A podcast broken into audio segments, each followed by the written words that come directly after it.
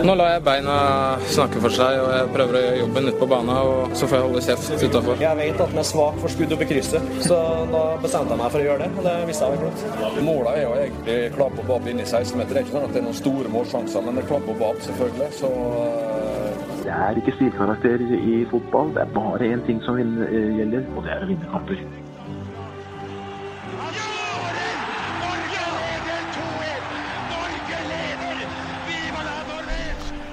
Og der er uh, toppfotball uh, tilbake igjen. Uh, ny uke med ny ball, selv om det er landslagspause. Jeg må innrømme at det er mange som syter av disse landslagspausene. Jeg syns det er noe fint. nå er vi Og det er den evige optimismen vår at nå er vi litt på gang.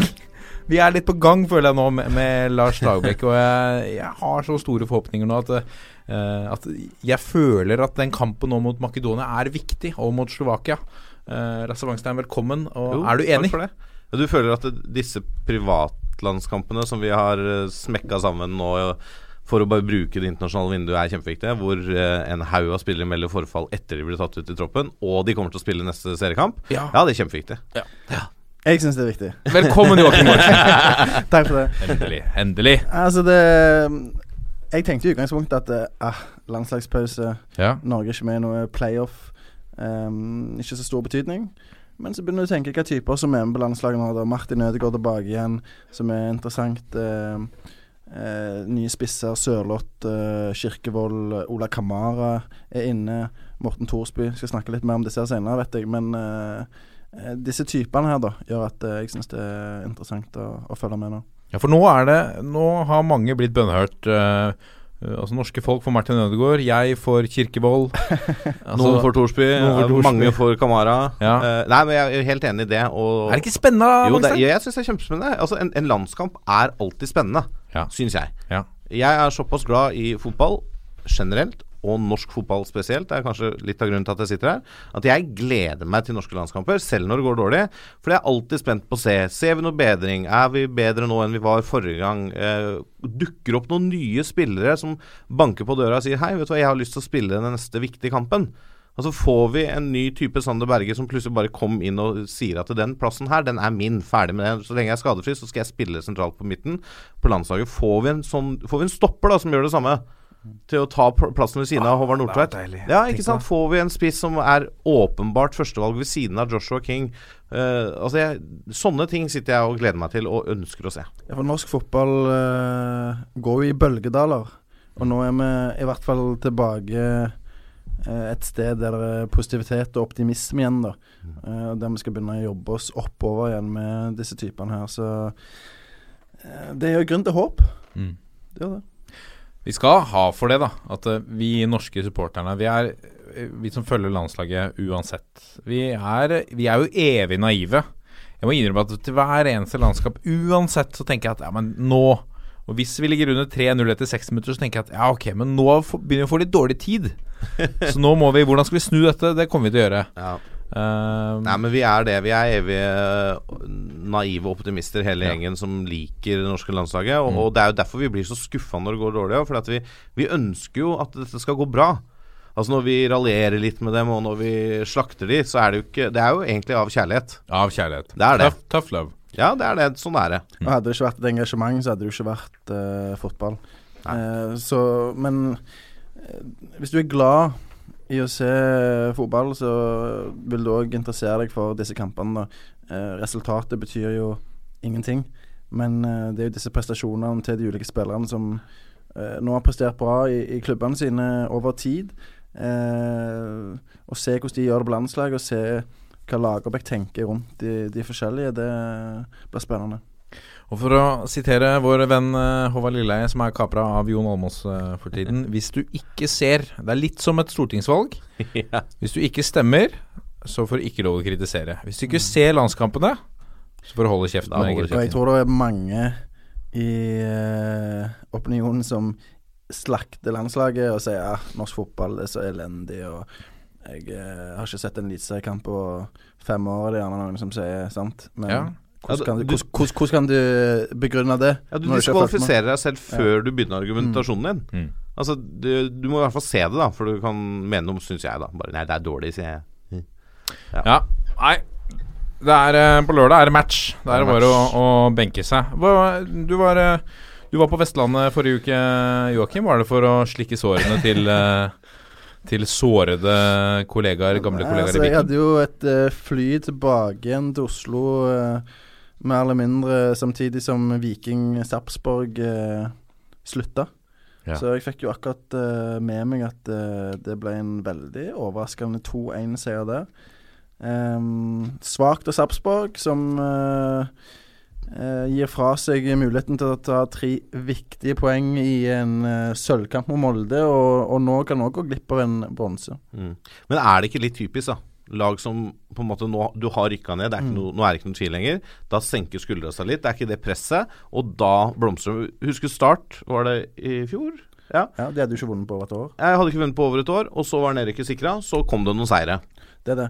Uh, og Viking mm, Hvis vi ser bort fra 7-1-tapet mot Vålerenga, så, så, har de ikke tapt mange kamper med store sifre. Det har vært mange hvor de har tapt helt på slutten. Ja, sant, De har spilt jevnt. Ja, sant, ja. Så jeg sier det overraskende. Det er det jo med tanke på at Sarpsborg har vært så solide som de har vært denne sesongen. Ja, Og men, det de har å spille for. Ja, Men samtidig så, så bor det jo en viss kvalitet i Viking. Ja da. Uh, så, og det er godt for de, godt for spillerne.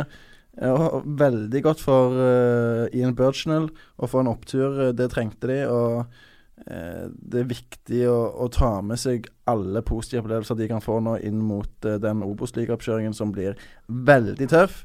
For det er mye i den klubben som fremdeles ikke er på plass med tanke på det økonomiske og, og um, hvilke forutsetninger uh, Burchnell eller eventuelt en ny trener vil få til neste år. Ja. Men hadde jeg vært uh, Sarpsborg-supporter Uh, nummer én så ville jeg fokusert på eget lag istedenfor å dra på Fredrikstad stadion og heie på Sandnes Ulf for å få Fredrikstad ned i andredivisjon. Gjorde de det? Det er faen meg noe av det dummeste jeg har sett. Det, det er karma, da. Ja, Det er så karma at de taper den kampen mot Viking og kanskje mister sølvmedaljen. Altså. Det var, var seks-sju stykker som stilte opp på stadionet i Fredrikstad, på bortefeltet, i Sarpsborg-drakter, for å heie på Sandnes Ulf, sånn at Fredrikstad skulle rykke ned. Det er noe av det dummeste jeg har sett i hele årets sesong. Altså. Ja. Seriøst, skjerp dere. Hvorfor holder dere holder deg hjemme, ass. Det er litt, det er litt overraskende fra liksom Sarpsborg. Jeg ser på det som en, liksom en sånn en god klubb med, med gode folk med, ja, ja. med, bra verdier og, og, og liksom um, Fins jo idioter i alle leirer, vet du, Martin. Tøffe tøffe betegnelser her nå. Ja, altså, jeg, altså. jeg, jeg, jeg, skjønner hvorfor du sier det, men samtidig så er det sånn jeg liker når folk fyrer opp litt. Jeg, ja, ja, ja, det er jo fyring. Så sitter vi og snakker om dette her nå. Du liker når folk fyrer opp Vangstein? ja, det er jo ikke sant. Men Nei, altså, det, altså, det, det, bidrar bare til økt rivalisering mellom de lagene, mellom de supporterleirene. Så når Fredrikstad én gang uh, kommer tilbake til Eliteserien uh, sammen med Sarpsborg, så blir de båndene der bare enda sterkere. Ja, eller neste gang de møtes i en cupkamp. Det kan jo skje før de møtes i seriespill, i hvert fall. Men jeg hadde vært litt bekymra, da, hadde jeg vært Sarpsborg-supporter nå. For det Én eh, ting er å tape den kampen mot Viking, som er fortapt, og du kjemper om sølvet, og så har de en bortekamp mot Molde. Eh, det kan på en måte virke litt grann som uh, de begynner å tenke cupfinale. Mm. At det nå legger Altså det er noe som altså, Sikkert ikke bevisst, men sånn baki der Tenke litt cupfinale. Kanskje de trekker seg 2 i en duell, for de har så lyst til å spille den cupfinalen. Ja, du har ikke lyst til å skade deg nå. Eh, bra for Sarpsborg er jo at Mortensen skåra igjen for første gang ja. siden sommer. Ja. Eh, Få i gang han igjen er viktig eh, nå i de to siste kampene og cupfinalen. Ja, så mangler de Ole Jørgen Halvorsen, og han har vært han har vært bra, altså. bra for Sarpsborg denne sesongen. Levert masse målpoeng.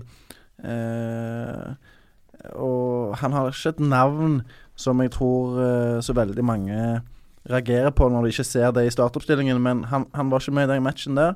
Eh, og det tror jeg eh, betydde en del for det laget. Mm.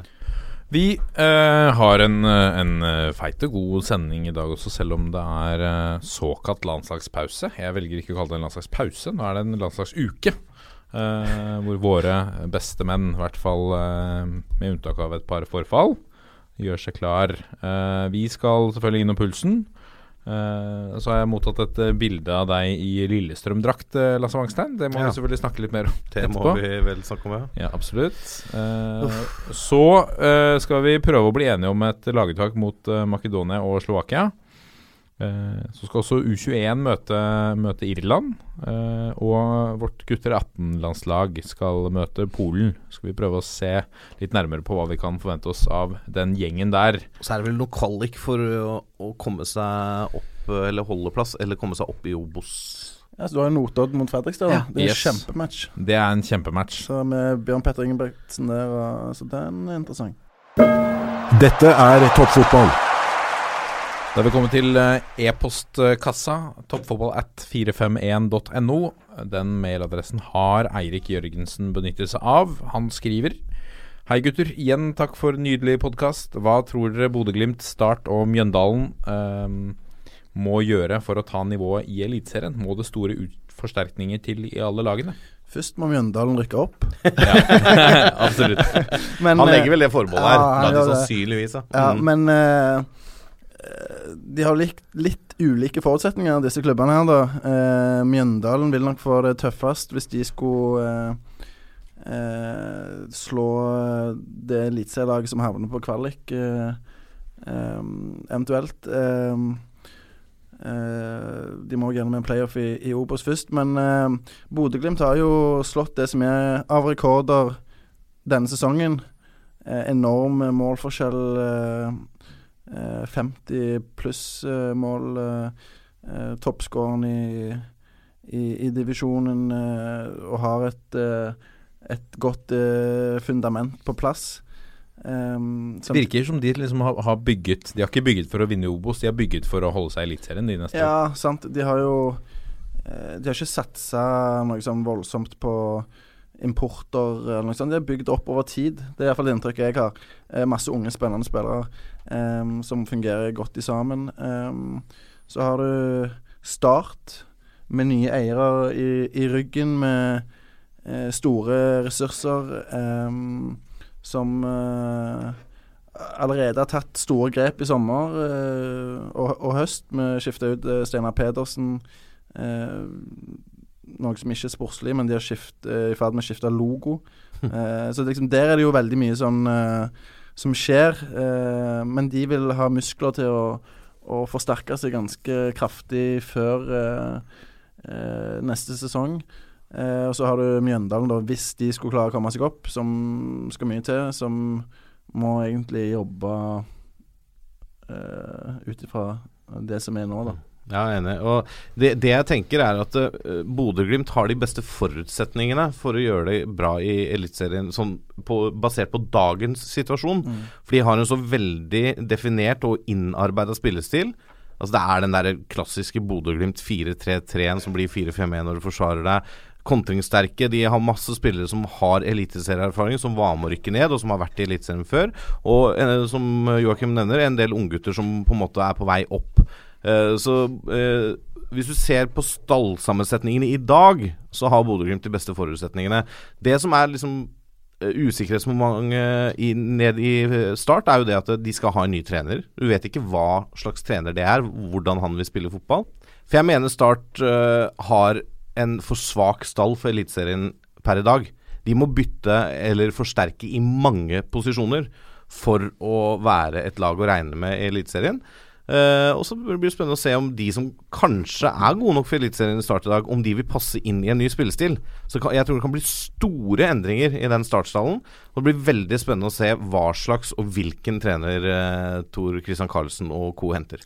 Nå ser jeg at, uh, at Tor Christian Carlsen i dag er ute og eller ifølge, uh, ifølge avisene så er uh, Carlsen ute og lukter på et afrikansk midtbanetalent. Uh, i, jeg så et navn der også. Isak uh, Isak Tvum. Ja, altså, det er ikke tvil om at uh, Tor Christian Karlsen har god oversikt over spillermarkedet, har masse kontakter. Uh, som gjør at Start kan plukke opp uh, spennende spillere. Det samme gjelder med trenere. og han vet hva han vil ha. Det er derfor Start har gjennomført disse grepene som er gjort, som er omstridt. Som mange har reagert på. Uh, de har uh, I tillegg til å bytte trener og nå i ferd med å endre logo, uh, så har de eh, begrensa pressetilgangen til spillere før kamp. Og det, det, er jo egentlig noe som uh, jeg iallfall aldri har hørt om i, i førstedivisjon før. Uh, men jeg var i Kristiansand og, og prata med eh, de nye eierne i sommer, ikke lenge etter de hadde gått inn med ti millioner i frisk kapital nå, som gjorde at eh, Start, eh, som lå med brukken rygg, eh, kunne betale regningene sine og, og komme oppå. Eh, I tillegg så har de lova 30 millioner til over ti år. Og dette er jo private midler som disse gutta går inn med.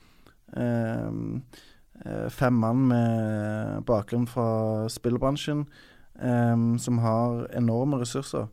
Um, men er det nok penger? 30 millioner over ti år? Ja, det høres mye ut, men ja, altså, altså, det, det, er bare det på en måte som de har uh, garantert for. Ja. Um, men her er det eiere som uh, er gode for uh, mange hundre millioner kroner ja. hver. så, så det skal ikke stå på pengene hvis det er det. Men de fortalte meg at de er ikke interessert i å pøse penger inn i start på dyre spillerkjøp, på dyre lønninger. Eh, de har lyst til å ta i bruk moneyball-konseptet. Eh, finne verdi eh, der eh, statistikken nærmest forteller de at eh, det er verdi. Eh, og det vil gjøre at det fort kan dukke opp noen navn som vi ikke forventer. Og de tar jo i bruk uh, datasystemer uh, for å, å, finne ut hvem som kan være best for de. Og så I tillegg da så vil du selvfølgelig la treneren sin mening spille en rolle, men det blir ikke sånn at den nye treneren får hovedansvaret for å hente disse spillerne. Nei, for at en trener under skal vi si under Tor Christian Carlsen har aldri siste ordet. Carlsen er, han er med i de beslutningene. Det er i hvert fall mitt inntrykk. Ja, det, det, tror jeg også. Altså, treneren vil selvfølgelig alltid ha noe å si på For du trer ikke bare en gjeng med spillere over huet på treneren og sier 'klar deg med det du får'. Men, altså, en, en, trener må gå god for de spillerne. Det er klart at det, kanskje i et tvilstilfelle så kan Carlsen si at han går vi for eller han går vi ikke for. Uh, jeg, jeg, men jeg vet jo ikke hvordan det fungerer, om en trener kan legge ned veto. da Nei, og Så har de jo henta inn uh, en del spillere i sommer. Uh, traff veldig bra med f.eks. Steffen Lie Skålevik fra, fra Brann på et lån. Ingen stor overraskelse at han uh, skårer mål i, i Obos-ligaen. Det var litt sånn smart signering. Veldig smart signering. en mann som uh, eliteserieklubben òg ønsket seg, men han, han, dro til start og har vært åpen for å Uh, fortsette der, hvis uh, muligheten ligger til rette for det. Mm. Um, men uh, det skjer mye i start nå. og det blir veldig spennende å se hvor de står utover i neste sesong. Det er et lag som kan ta mange steg veldig kjapt. Mm. samtidig så er det et lag som fort kan møte mye motstand, eller en klubb eh, og personene rundt, som fort kan møte veldig mye motstand lokalt hvis disse omstridte valgene ikke eh, følger med suksess, da. Ja, for det er akkurat det. For det, eh, Carlsen og co. de går høyt ut de legger hodet på blokka når de fjerner Steinar Pedersen, som en, er en, en, klubblegende. en, klubblegende. Og faren til Steinar også da går i dragsuget, og i hvert fall en klubblegende. Mm. Vært med i alle år. Mm. Eh, når du fjerner sånne, sånne, folk, og på en måte kommer litt inn fra sida og går ut så høyt, da, da er fallhøyden stor òg. Så hvis de ikke lykkes, så blir det vanskelig. De må lykkes med en gang. Ja. Må, ja. Men hva slags uh, trenerprofil? For at du sparker ikke Steinar Pedersen, eller uh, avslutter kontrakten med Steinar Pedersen uten at du har en, en, plan, eh, går jeg ut fra. Hva ja. slags profil tror vi er, er, det en stor profil vi kan vente oss i start?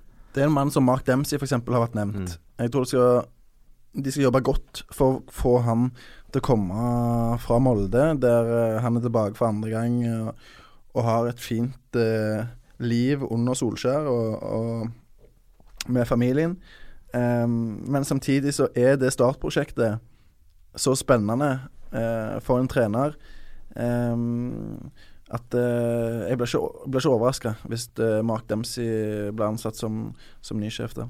Jeg må igjen da ta og anbefale en annen podkast, men det, det, tåler vi jo. Uh, fotballklubben hadde jo Tor Christian Karlsen som gjest i siste episode. Ja. Hvor han forteller litt om hvorfor Steinar Pedersen måtte gå. Ja.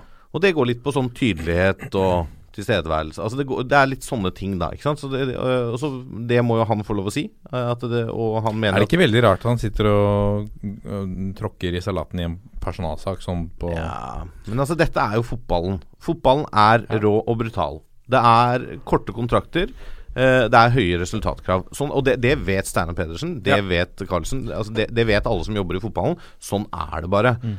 Uh, han ønsker en annen type trenerprofil enn det han hadde i Steinar Pedersen, og mente da at det riktige var å avslutte det forholdet nå, for å øke sjansen for å klare det direkte opprykket. Nå lykkes de jo med det, selv om det ble litt som Rosenborg har gjort, å rygge inn liksom, med to tap på rad nå.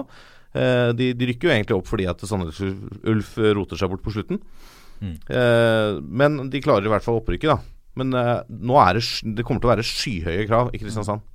Men det som er eh, veldig bra for norsk fotball, det er hvis Start lykkes. Mm. Kommer seg tilbake i toppen av Eliteserien, eh, ut i Europa, som de har mål om på sikt. Selv om de, eh, i hvert fall eierne som jeg snakket med, vil ikke ta i bruk veldig store ord. De vil jobbe eh, og bygge dette her gradvis. Men får man 10 000 da, tilbake på Sør Arena, eh, og får engasjement i en av Norges største byer igjen, rundt eh, fotballaget, så vil det bidra veldig positivt. Det har vært veldig gøy å få Start eh, oppi der igjen. Vi må la Kristiansand ligge Ja, og nå skal, jeg, for nå skal jeg til Bodø. Du skal til Bodø? Ja, bare for å avslutte litt rundt Bodø. Der tror jeg de har helt andre forutsetninger for å kunne klare seg. For de kommer til å få jobbe i fred. De kommer til å fortsette med det de holder på med. Og øh, øh, altså presset rundt klubben er ikke på det nivået som det kommer til å være i Kristiansand, selv om de gjorde det så godt i år. For der er det, de har trua på det de holder på med, og de kommer til å hente lurt hvis de henter noe. Eh, og kommer liksom til å bare åle seg inn der. Så i, i dag, forutsetningen er klart høyest i Bodø. Ja. ja. Vi går videre til en e-post fra Ole Øverland, eh, som sier takk for en strålende podkast. Eh, fantastisk med engasjement for og kunnskap om norsk fotball. Um, grunnen til at jeg skriver dere, er Valestrand Gjelvik FK sitt Facebook-innlegg om at de er i ferd med å bygge nytt stadion med intet mindre enn 4856 sitteplasser. Valestrand Gjelvik rykket opp fra femtedivisjon i Hordaland denne sesongen. Hadde, hadde, dere hatt mulighet til å fortelle om hva i alle dager som foregår her? ja, Det er jo veldig spesiell sak, dette. Det er jo en klubb som er kjent for sine entusiastiske supportere. Eh, det har jo vært eh, eh lagt reportasjer på disse gutta her eh, eh, med bluss før match i, i fjerdedivisjon og, og opprykkskamper tidligere. De gikk jo opp fra fjerde til tredje i 2009, ja. ned igjen sesongen etterpå. Og så mm, var de òg nede i femte før de gikk opp igjen til fjerde i vinter. Uh, ja, ja, opp igjen til fjerde nå, ja. ja. Så, og nå vil de bygge en stadion til 250 millioner kroner. Hæ? Som skal huse 5000 mann. 250 millioner 250 millioner kroner skal de bygge stadion til. Det er jo helt gale. Det er det, det glade vanvidd. Men er, ja, dette er ikke riktig? Dette er riktig. Og um, de har allerede fått ei 45 mål stor tomt eh, av et eh, selskap som heter Eiendom Vest. Eh, som eh, eh, har mange personer som er tilknytta Hvalstrand. og en av de er jo daglig leder, som heter Ove Haaland, hvis jeg ikke tar helt feil. Og han mener jo at dette her ikke er det glade vanvidd. Han mener jo at dette her er er basert på fornuftige eh, vurderinger. De vil jo bl.a. Uh, innlemme leiligheter i denne stadionparken uh, og sikre leieinntekter. Og, de mener at dette er fornuftig. Og så sier han at de heller vil bygge stort enn å bygge for lite, for å ikke gå glipp av inntekter i, i framtida. Men altså, vi hadde en nordmann som vant 441 millioner i eurojackpot i august. Er, er, kan vi tro at han er bosatt i nærheten av Vallestrand, eller? Og så har han spytta ut halve gevinsten. Og så tar han Femtedivisjonslaget litt, litt over halve gevinsten for å bygge stadion i Vallestrand. Jeg har sett plantegningen for den stadionen, og det er Det ser ganske Det er, ja, det er, tribu, det er tribuner helt rundt, og det ja. ser nydelig ut, faktisk. Ja. Eh, men du må jo ta båt uh, for å komme ut her, så vidt jeg vet. Enda bedre. Ja, sant, og det er ikke store samfunnet, men uh, de har ambisjoner om å komme opp til Obos-ligaen på sikt. da Når den bygges, så skal vi dit. Men, Ja, altså, jo- men Obos-ligaen altså, Hvis du ser snittet på Obos-ligaen eh, altså, Hva har Fredrikstad i snitt i dag, da? Ja, de Eh, ligger vel nå nede på en sånn eh, 3000, ja. ja, og det er en fotballby. Ja, ja. Det er en ganske stor by. Og så skal du bygge en stadion til 5000 for at du kanskje skal til Obos på en lita øy eller hva det er, Utfor, ut Bergen. Utfor Bergen, ute i havgapet der. Det, altså, jeg jeg syns det høres helt vanvittig ut. Det må jo være Det bedre ting å bruke penger vanvittig ut. Det er det ingen tvil om. Men igjen, da. Det er, det er jo sinnssykt eh, spennende. Som eh, lederen eh, i, uh, i Valestrand Gjelvik sier, Ove Haaland, eh, det som skal til for at dette ikke skal bli et luftslott, er at vi får lov til å bygge det. det, Ja, det er jo veldig her, her. Herlig offensivt. Å, jeg liker det. Og det er, det er fantastisk. Altså, dette må skje. Dette hadde Men, men jeg du, skal, du, skal, du hører med til historien at det er, det er et stadion til, eh, med 5000 sitteplasser, med tribune helt rundt. Flott. Parkeringsplasser. eh, og en fotballhall. Ja, ok. Ja. Uh, så det er uh, Ja, hvis du har en flerbrukshall da Ja. som gjør at eh, alle som driver med breddefotball, kan trene inne på vinteren f.eks., Ja. eller når det blåser litt, og det gjør det av og til der borte eh, eh, I det regnestykket på 250 millioner, da er det ikke like vanvittig. Nei. Og hvis du da også bygger kunstgress på hovedbanen, sånn at den også kan brukes til trening når det ikke er kamp, Mm. at flere kan bruke den bortsett fra på kamper, da høres det litt mer fornuftig ut. Men Ja. allikevel, jeg syns fortsatt det er rimelig sykt. ja, det, er, det er noe av det sykeste jeg har hørt i år, Ja, faktisk. faktisk. Det er bare å gratulere. Ja, det er um, Men de har jo innrømt sjøl at det, de er galne, disse gutta her. sant? Eh, Jeg elsker det. På, Ja, jeg synes det er helt fantastisk. Supportere og, og, og, og ledere har jo innrømt det. Og eh, jeg kjente Jeg kjente en fra Stavanger, eller fra Randaberg, der jeg kommer fra, som spilte i Valestrand. Han var vel med på opprykket, tror jeg, i 2009. Og jeg vet at det der eh, Nå håper jeg dette her var kvitt, men jeg vet at det var penger inne i bildet, og de lønna spillere og, Ja. og sånn. Så det er ikke første gangen eh, de har vist muskler. Nei. Og de, er eh, De, eh, de feirer eh, 25 år uh, i år, så det er ingen, det er ingen Nei, gammel nei. klubb, dette. Um, var det riktig, eller var det Ja, du ristet Ja, på det? ja, det stemmer. Ja, det stemmer, det, det er ingen, stemmer. det er ingen gamle klubb. Nei. Nei. De ble slått sammen, Valestrand og, og Gjelvik. Ja. Men, men jeg tenker litt sånn Når Én ting er nå, nå er de i femtedivisjon, og de har rykket opp, og de vinner matcher og sånn, og det er medgang, og de sier at ja, vi bygger for 5000. Det er fordi at det er så stor entusiasme rundt laget. Men når du øh, kommer opp da til, øh, til fjerde, til tredje, til andredivisjon, som nå er rimelig beintøff Mm. Eh, Spørsmålet er da, når man begynner å Når man ikke vinner alle kampene, hva skjer med interessen da? De skal bygge et så voldsomt fort at de alltid vinner hjemme. ikke sant? Folk Ja. blir redde. Ja. I buksa når Nei, jeg vet ikke hva tanken er. Altså, jeg, jeg klarer ikke å lese de tankene der. eh, Og jeg tror jeg hadde slitt med å forstå det om noen hadde fortalt eller skrevet det på en lapp til meg også, hva de tenker. Uansett, Valestrand Gjelvik med, med klubbleder Ove Haaland Vi hyller dere. Vi De hyller dette, altså. Dette er, dette er store ting.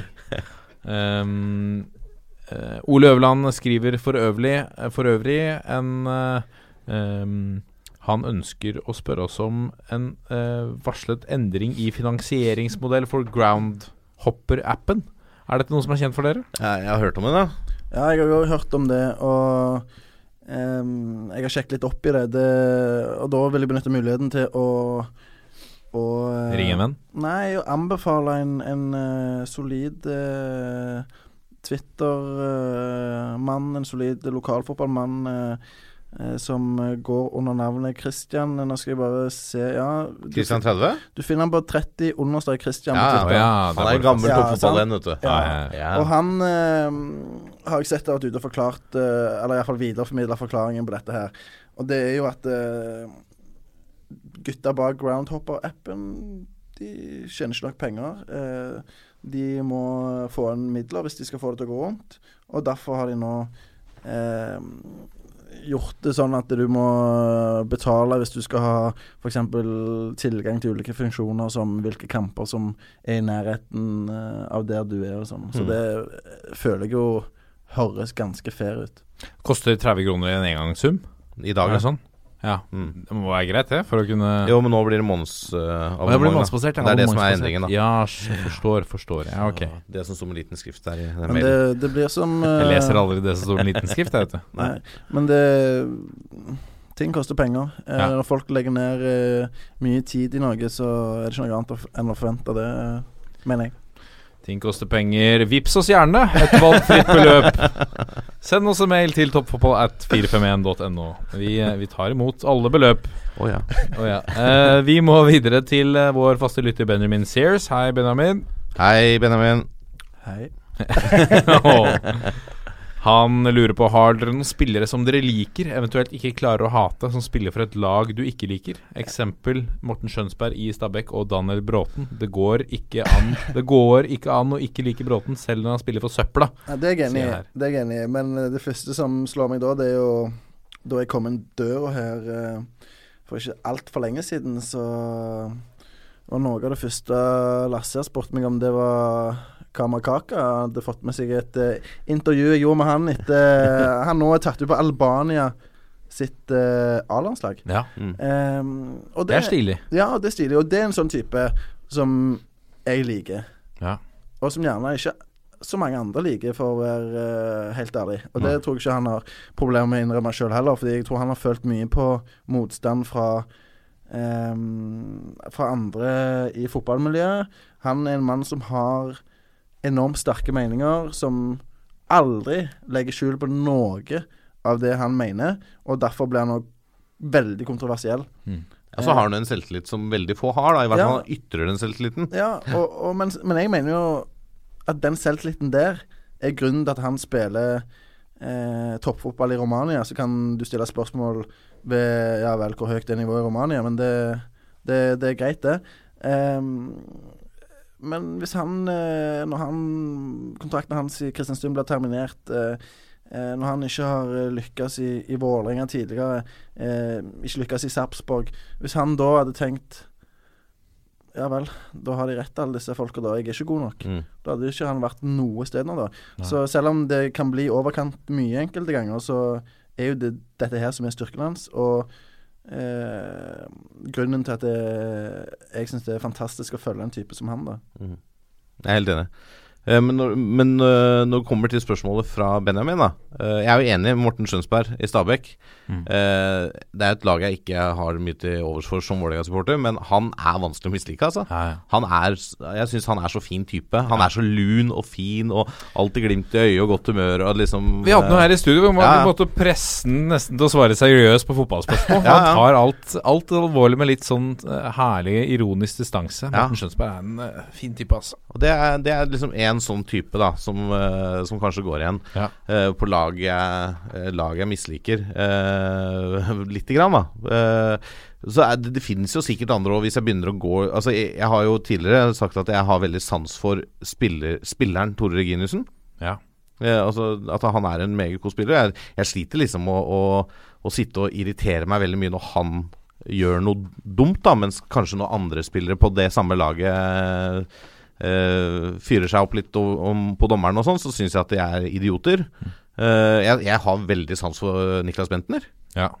Ja, han virker jo som en kjernekar. Ja, ja, ja, men jeg syns det. Ja. Og, og det, og det, er- det syns jeg er så gøy, da, for at han har hatt det ryktet han har hatt, og lord Bentner og Han, han har jo vært en kjepphøy type, han òg, i mange år.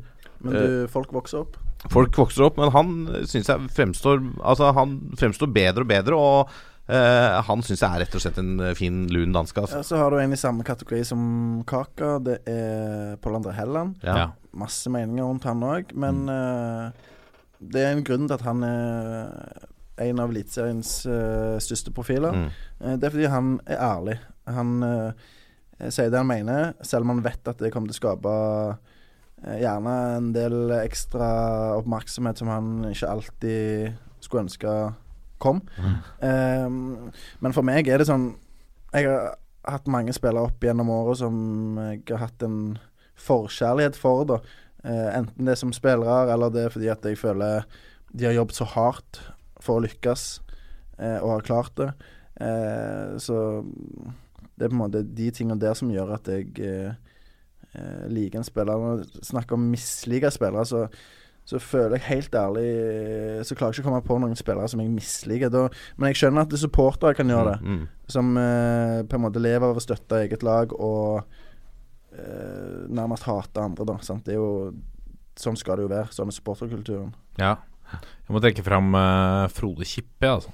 Som ja. en, uh, en sånn bauta. En uh, klubbspiller. Nå har ikke jeg et, et, sånt like stort hat kanskje for Lillestrøm som, som du har, Wangstein, men, men, men Uh, men den altså klubbspilleren Det er noe med når du ser ja. en fyr som, som han, han, gir jernet i, i hver eneste match. Altså, og han er, han, altså han er altså profesjonell, sant? Han er en vegg, ja. ja. Profesjonell. Og, og, du ser han er så viktig. Mm. Og samme med Morten Skjønsberg også, som ikke er Altså For meg, da han kom hit, så ble jeg overraska over at han var jo på høyde med meg. Jeg trodde han også var en bauta baki der. Men han er jo det. Men det er noe med at de gror på seg en slags autoritet, så du, du, du forbinder dem med at de er mye større. Men du må respektere sånne type spillere som Frode Kippe, da, bare ja. i kraft av den klubbspilleren de har blitt, og hvor lenge de har holdt ja. på og sånne ting. Så jeg også har veldig respekt for Eh, klubbspilleren Frode Kippe. Så har jeg kanskje ikke like respekt for alt han gjør på banen alltid, når han setter eh, tolv uh, knotter i brystet på Daniel Fredheim Holm, eller om det var i ballen eller hva det var. Ikke sant? Altså Sånne type ting jeg har ikke like mye respekt for, men det er kampens hete. Ja. Men helt enig. Spilleren Frode Kippe, og den, altså, han får veldig mye respekt av meg for måten han er et lim i Lillestrøm på, og og klubbspilleren han er. Ja, så savner jeg en mann som Frode Johnsen. Mm. Eh, han var jo over 40 år da han la opp, eh, men eh, det er òg en mann som eh, jeg føler det er umulig å, å ikke like. da eh, Gir alltid jernet. 100 profesjonell. Ja. utrolig sympatisk type. Helt enig. Ja, det er mye bra. Det er mye fine, fine folk. Altså. Jeg, må, jeg, må, ta med en, en Twitter-melding som jeg plukka opp her eh, tidligere denne uka, fra Emil Almås, som nå Han fikk et tips eh, om å høre på Toppfotballpodkasten. Likte det såpass mye at han, nå har han hørt 40 episoder på fire uker. ja, det er bare ja. Det er bare det er vilt. Det er, eh, som vi skrev på Twitter, det er verdensrekord i toppfotballytting. Det må det vi kunne anslå. Noen bedre. Meld dere. Men Det er jo hyggelig å høre, da. Veldig, veldig hyggelig. Det er på Game of Thrones-nivå hos meg, det. jeg kjørte en, jeg kjørte en sånn variant. Ja. ja. det er eh, fantastisk, altså. Emil Almås, velkommen i, i gjengen. ja, velkommen. Dette er toppfotball. Men uh, hold your horses. Uh, vi glemte jo at uh, vi må jo nevne det, dette fotoet. Vi har fått tilsendt et foto fra vår gode venn Benjamin Sears. Tusen takk, Benjamin, for dette bildet. Takk, Benjamin. Det er, al det er altså et bilde av deg, Lasse Wangstein, iført Kanarifansens og Lillestrøms vakre gule drakt. Hvordan hadde det seg at du fikk lov å traske rundt i dette, da? Nei, det her Da skal vi tilbake til 2013, det året som Reka kom tilbake til Vålerenga. Ja. Eh, og da Han som står ved siden av meg, det er Ole Kristian Bakkene, tidligere mediesjef i Lillestrøm. Og på den tiden her, så Da Reka kom, så var jeg jo fortsatt mediesjef i Vålerenga. Og da inngikk vi et veddemål. Om, og, og Bakkene. Ja. For Lillestrøm er jo veldig opptatt av å komme over Vålerenga på tabellen. Mm. Altså Jeg har jo sagt før at uh, Lillestrøm er fornøyd med å komme på 15.-plass, så lenge Vålerenga er på 16.-plass. De kan godt rykke ned så lenge de er over Vålerenga. Ja. Og det har jo jeg ytra flere ganger. Og det, han tok meg litt på korn på det, så han sa at ja, men vi kan vedde i år, da. At uh, og øverst på tabellen, liksom. Og så gikk jo jeg til Reka da og sa du, uh, er et veddemål på gang. Uh, vi kommer over Lillestrøm, ikke sant? Det er ikke noe tvil. Ja, ja, ja, null problem, sier Reka. ikke sant? Det er selvfølgelig ikke noe Og jeg er jo naiv, da, så jeg tror jo på Reka. Og da var øh, straffen var at man skulle gå én arbeidsdag i motstanders drakt, da. Og da jobba vi jo fortsatt i hver vår klubb. Ja. Så oh. når dette ble avgjort, øh, så var jo vel Ole Kristian fortsatt i øh, Lillestrøm. Så hadde han tapt, så hadde han gått i Vålerenga-drakt én dag på jobb på Åråsen. Ja. Jeg var jo da, når det ble inngikk, inngått, øh, fortsatt i Vålerenga, så jeg måtte eventuelt gått i Lillestrøm-drakt på Valle. Men jeg bytta jobb uh, til flyplassen, uh, så uh, jeg tenkte jo at det her var liksom sånn Det var litt over, da. Han allierte seg jo selvfølgelig med min gode kollega og tidligere da lynmediesjef. Det er jo mange av de som jobber på Gardermoen, han òg. Joakim Wester Andersen. Og kom opp på jobb en dag, da, vet du. Slepende med denne drakt nummer 11, Erling Knutson, og tredde pølseskinnet på meg. og tok bilder, og det blei til og med sak i Romerikes Blad. Er det sant? Ja da, og på LSKs hjemmesider. Så det ah det var en tung dag, altså. Jeg har fått en del tyn. Ja. Eh, fra medsupportere for dette. Uh, men jeg må, jo, jeg må, jo, ta veddemål. Altså, jeg, jeg, hadde jo inngått et veddemål, jeg måtte ta det. Ja. Kom hjem fra jobb den dagen. Da, jeg, altså, da måtte jeg rense meg, så da var det rett i dusjen. Og så tok jeg på meg Vålerenga-drakt og gikk med resten av dagen hjemme. Det er ikke ofte jeg går med Vålerenga-drakt hjemme, altså, men den dagen måtte jeg det. Men det er, sånn, eh, det er et bilde som aldri forsvinner. Nei, og det er det, vet du. Uh, fordi Det som er på internett, forsvinner. Nei, det forsvinner. Det vet vi jo ikke. Uh, nei, det vet vi jo. Men på fredag, da Vålerenga tapte mot Sandefjord, så var Ole Kristian litt høy og mørk da, vet du, og tvitra dette bildet igjen da, vet du, for å dra det opp av glemselen. Oh. Liksom, for nå tapte vi mot Sandefjord, da, vet du, og da kunne Lillestrøm komme opp og forbi igjen, da, ikke sant. Uh, så tror jeg noen bestemte seg for han har sletta det igjen, da. Å ja.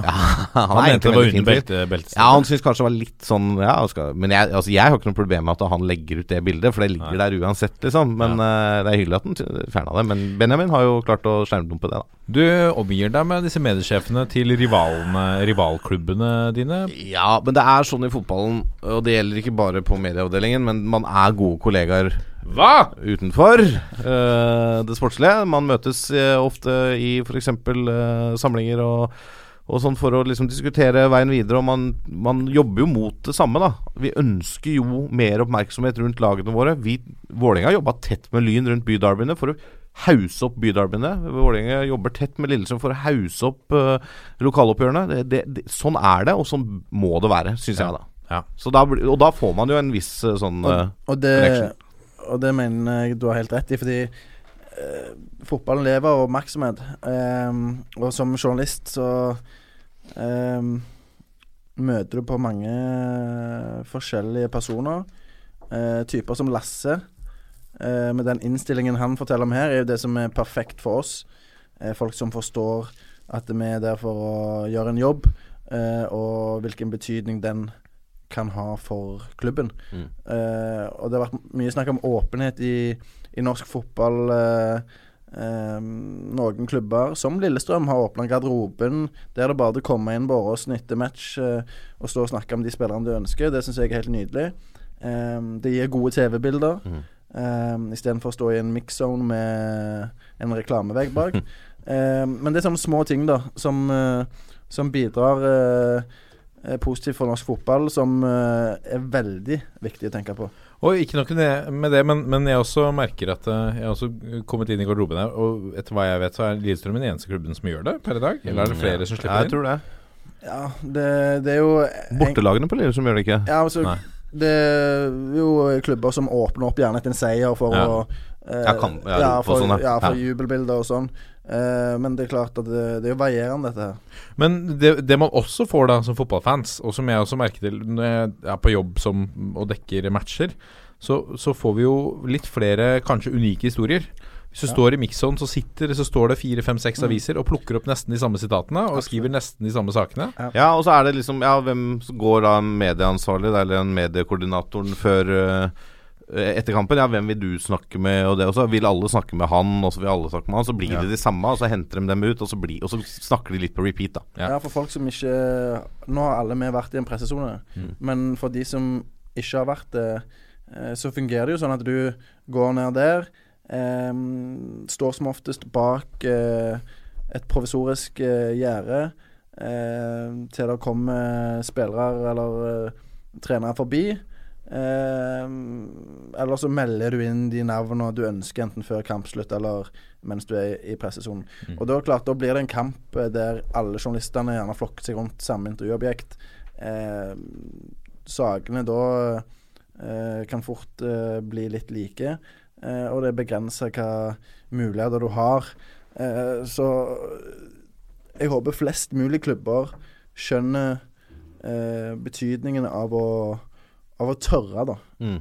Jeg er helt enig. For det, for det, er jo også sånn du står der, da, sant, så sier en spiller noe til deg da, Joakim. Mm. Og så står han fra Dagbladet ved siden av og hører det. Så har han egentlig ikke tenkt å stille det spørsmålet eller snakke om det, men så er det sånn Å ja, det.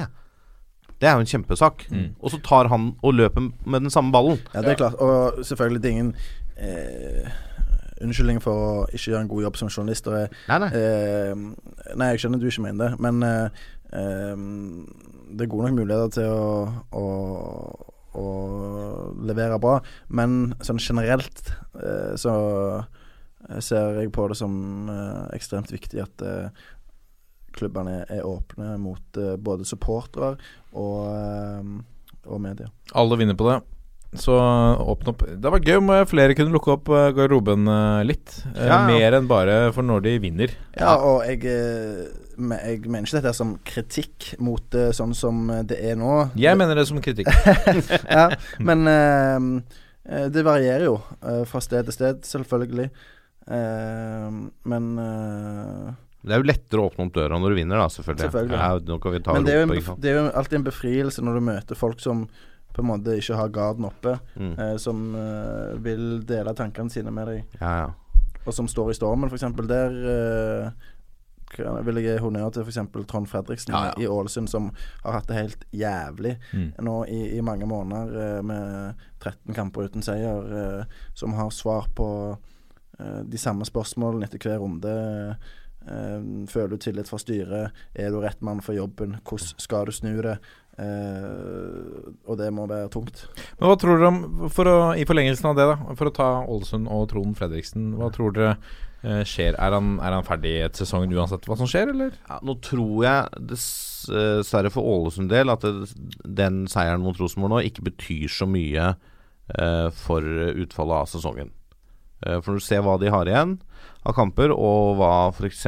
Sogndal, nå som de kjemper tettest mot, har igjen, så tror jeg at uh, Ålesund går rett ned. Og da kan det nok hende at uh, Ålesund velger å gå for en annen løsning. Ja, Ålesund har en tøff bortekamp nå mot Sarpsborg, og så har de hjemme mot Godset i siste. Mm. Uh, og Sogndal har borte mot Stabæk i neste, og avslutter hjemme mot Vålerenga. Mm. Sånn sett så er det jo ikke veldig eh, stor styrkeforskjell i de motstanderne, syns jeg. Men eh, den seieren mot Rosenborg nå, som eh, eh var overraskende, er jo utrolig viktig. Mm. Og den gir det jo den gir jo et håp nå om å, om å karre seg til den uh, kvalikplassen. Nå skal vi vel ikke ha preview på neste runde allerede, men jeg mener jo sånn som da Sogndal som møter Stabæk, som vant stort i forrige kamp. Mm. Er veldig sjelden lag som da, det har vi snakket om før, som vinner med fire mål eller mer, vinner neste kamp. Sogndal kan godt, godt, få med seg noe både fra Nadderud og ikke minst fra hjemmekampen mot Vålerenga. Det kan de. Samt, ja. Samtidig ser Stabæk eh, like spennende ut nå som de gjorde i starten av sesongen. Ja, det er faktisk sant. Ja. Frank Bolly tilbake mm. der. Eh, herje 5-0 bort mot Odd. Veldig, veldig 5-0 ja. mm. i Skien. Ja, det er sterkt. To skåringer Vi spådde det jo her, at eh, Frank Boli kom til å gjøre ja, det. To skåringer, sant. Ja. Og assist og Ohi tilbake fra skade. Plutselig så Det må jo være Hvis du ser på spiss par Nå spiller Bentner alene i mm. Rosenborg på topp. Hvis du ser på spiss par, så må det være det beste eliteserien. Uh, uh, Oi og Boli? Ja, og så har du Djerta Mortensen. Men av spiss par så har du ikke så mange av de uh, igjen lenger. Ja, jeg syns jo Brustad Brustad Sigurdarsson er ganske vasse, de òg, men det er ikke alltid de spiller, da. Sigurdarsson er jo Litt av og på. Sigurdarsson er jo en klassespiller. Mm. Eh, Brustad et nivå under. Ja. Eh, så har du et skyhøyt uh, maksnivå, da, både på Ohi og Boli. Helt klart. Vi fikk en twittermelding her, uh, det var i begynnelsen av uken, tror jeg. jeg var en som hadde fulgt uh, tipsene våre direkte fra forrige sending og satt inn med en god gevinst på en 500-lapp. Ja. Han bare lagt inn rent blindt basert på hva vi, hva vi trodde om kampene. Samtidig så jeg en annen twittermelding fra Lasse her i, i løpet av uka, der han meldte at han var veldig glad for at han aldri satte penger på odds. Um, ja. Jeg husker ikke Det var et utfall i en kamp du så som glassklart, men som ikke endte helt sånn som uh, Ja, det er, jeg er uh, også, Det er faktisk sant. Jeg spiller aldri på ball, uh, i motsetning til andre. Jeg, jeg, liksom, jeg har ikke spillekort på Norsk Tipping engang. Ja. Men hadde, jeg, hadde jeg gjort det, jeg hadde vært så blakk. Altså seriøst. Jeg er så jævlig dårlig til å tippe åssen kampen går. Det gikk inn tydeligvis Spådommen din gikk inn for Nå har jeg glemt hva han heter, som har ja. tippet. Du vet hvem du er. Ja Uh, det er klart. Ja. Jeg hadde vel bl.a. at uh, Sandefjord fort kunne finne på å slå Vålerenga, så det, det, er klart, den går jo inn. Nå kommer pulsen. Da er vi kommet til pulsen, og vi begynner uh, denne ukens puls med spennende kvalifiseringsoppgjør i Obos og til Eliteserien, Lasse. Ja, vi gjør det. Obos-avslutningen, som vi trodde skulle bli en rysare helt til siste sekund, ble vel kanskje ikke akkurat det. For det med en gang Fredrikstad dytta inn et par mål der mot uh, Sandnes Ulf, så måtte jo Elverum vinne mot Mjøndalen uh, for å ta den kvalikplassen. Det så de aldri ut til å være i nærheten av. Mjøndalen var rett og slett for gode. Og med de to resultatene, da, seier til Fredrikstad mot Ulf og um, Mjøndalen-seier borte mot Elverum, så uh, mista jo Sandnes Ulf uh, hjemmebanefordelen i kvalik. Og Mjøndalen får da hjemmekamp mot Ullkisa i den der Obos-kvaliken for å gå opp til Eliteserien. Det er utrolig hvor fort det snur i fotball. Mm. Eh, Fredrikstad taper 5-0 mot eh, Tromsdalen. Eh, fullstendig krise. Eh, André Loberto spør spillerne om eh, de har tillit til han før i treningsøkt, og får eh, eh, nei fra så å si samtlige. Mm. Gir seg på dagen.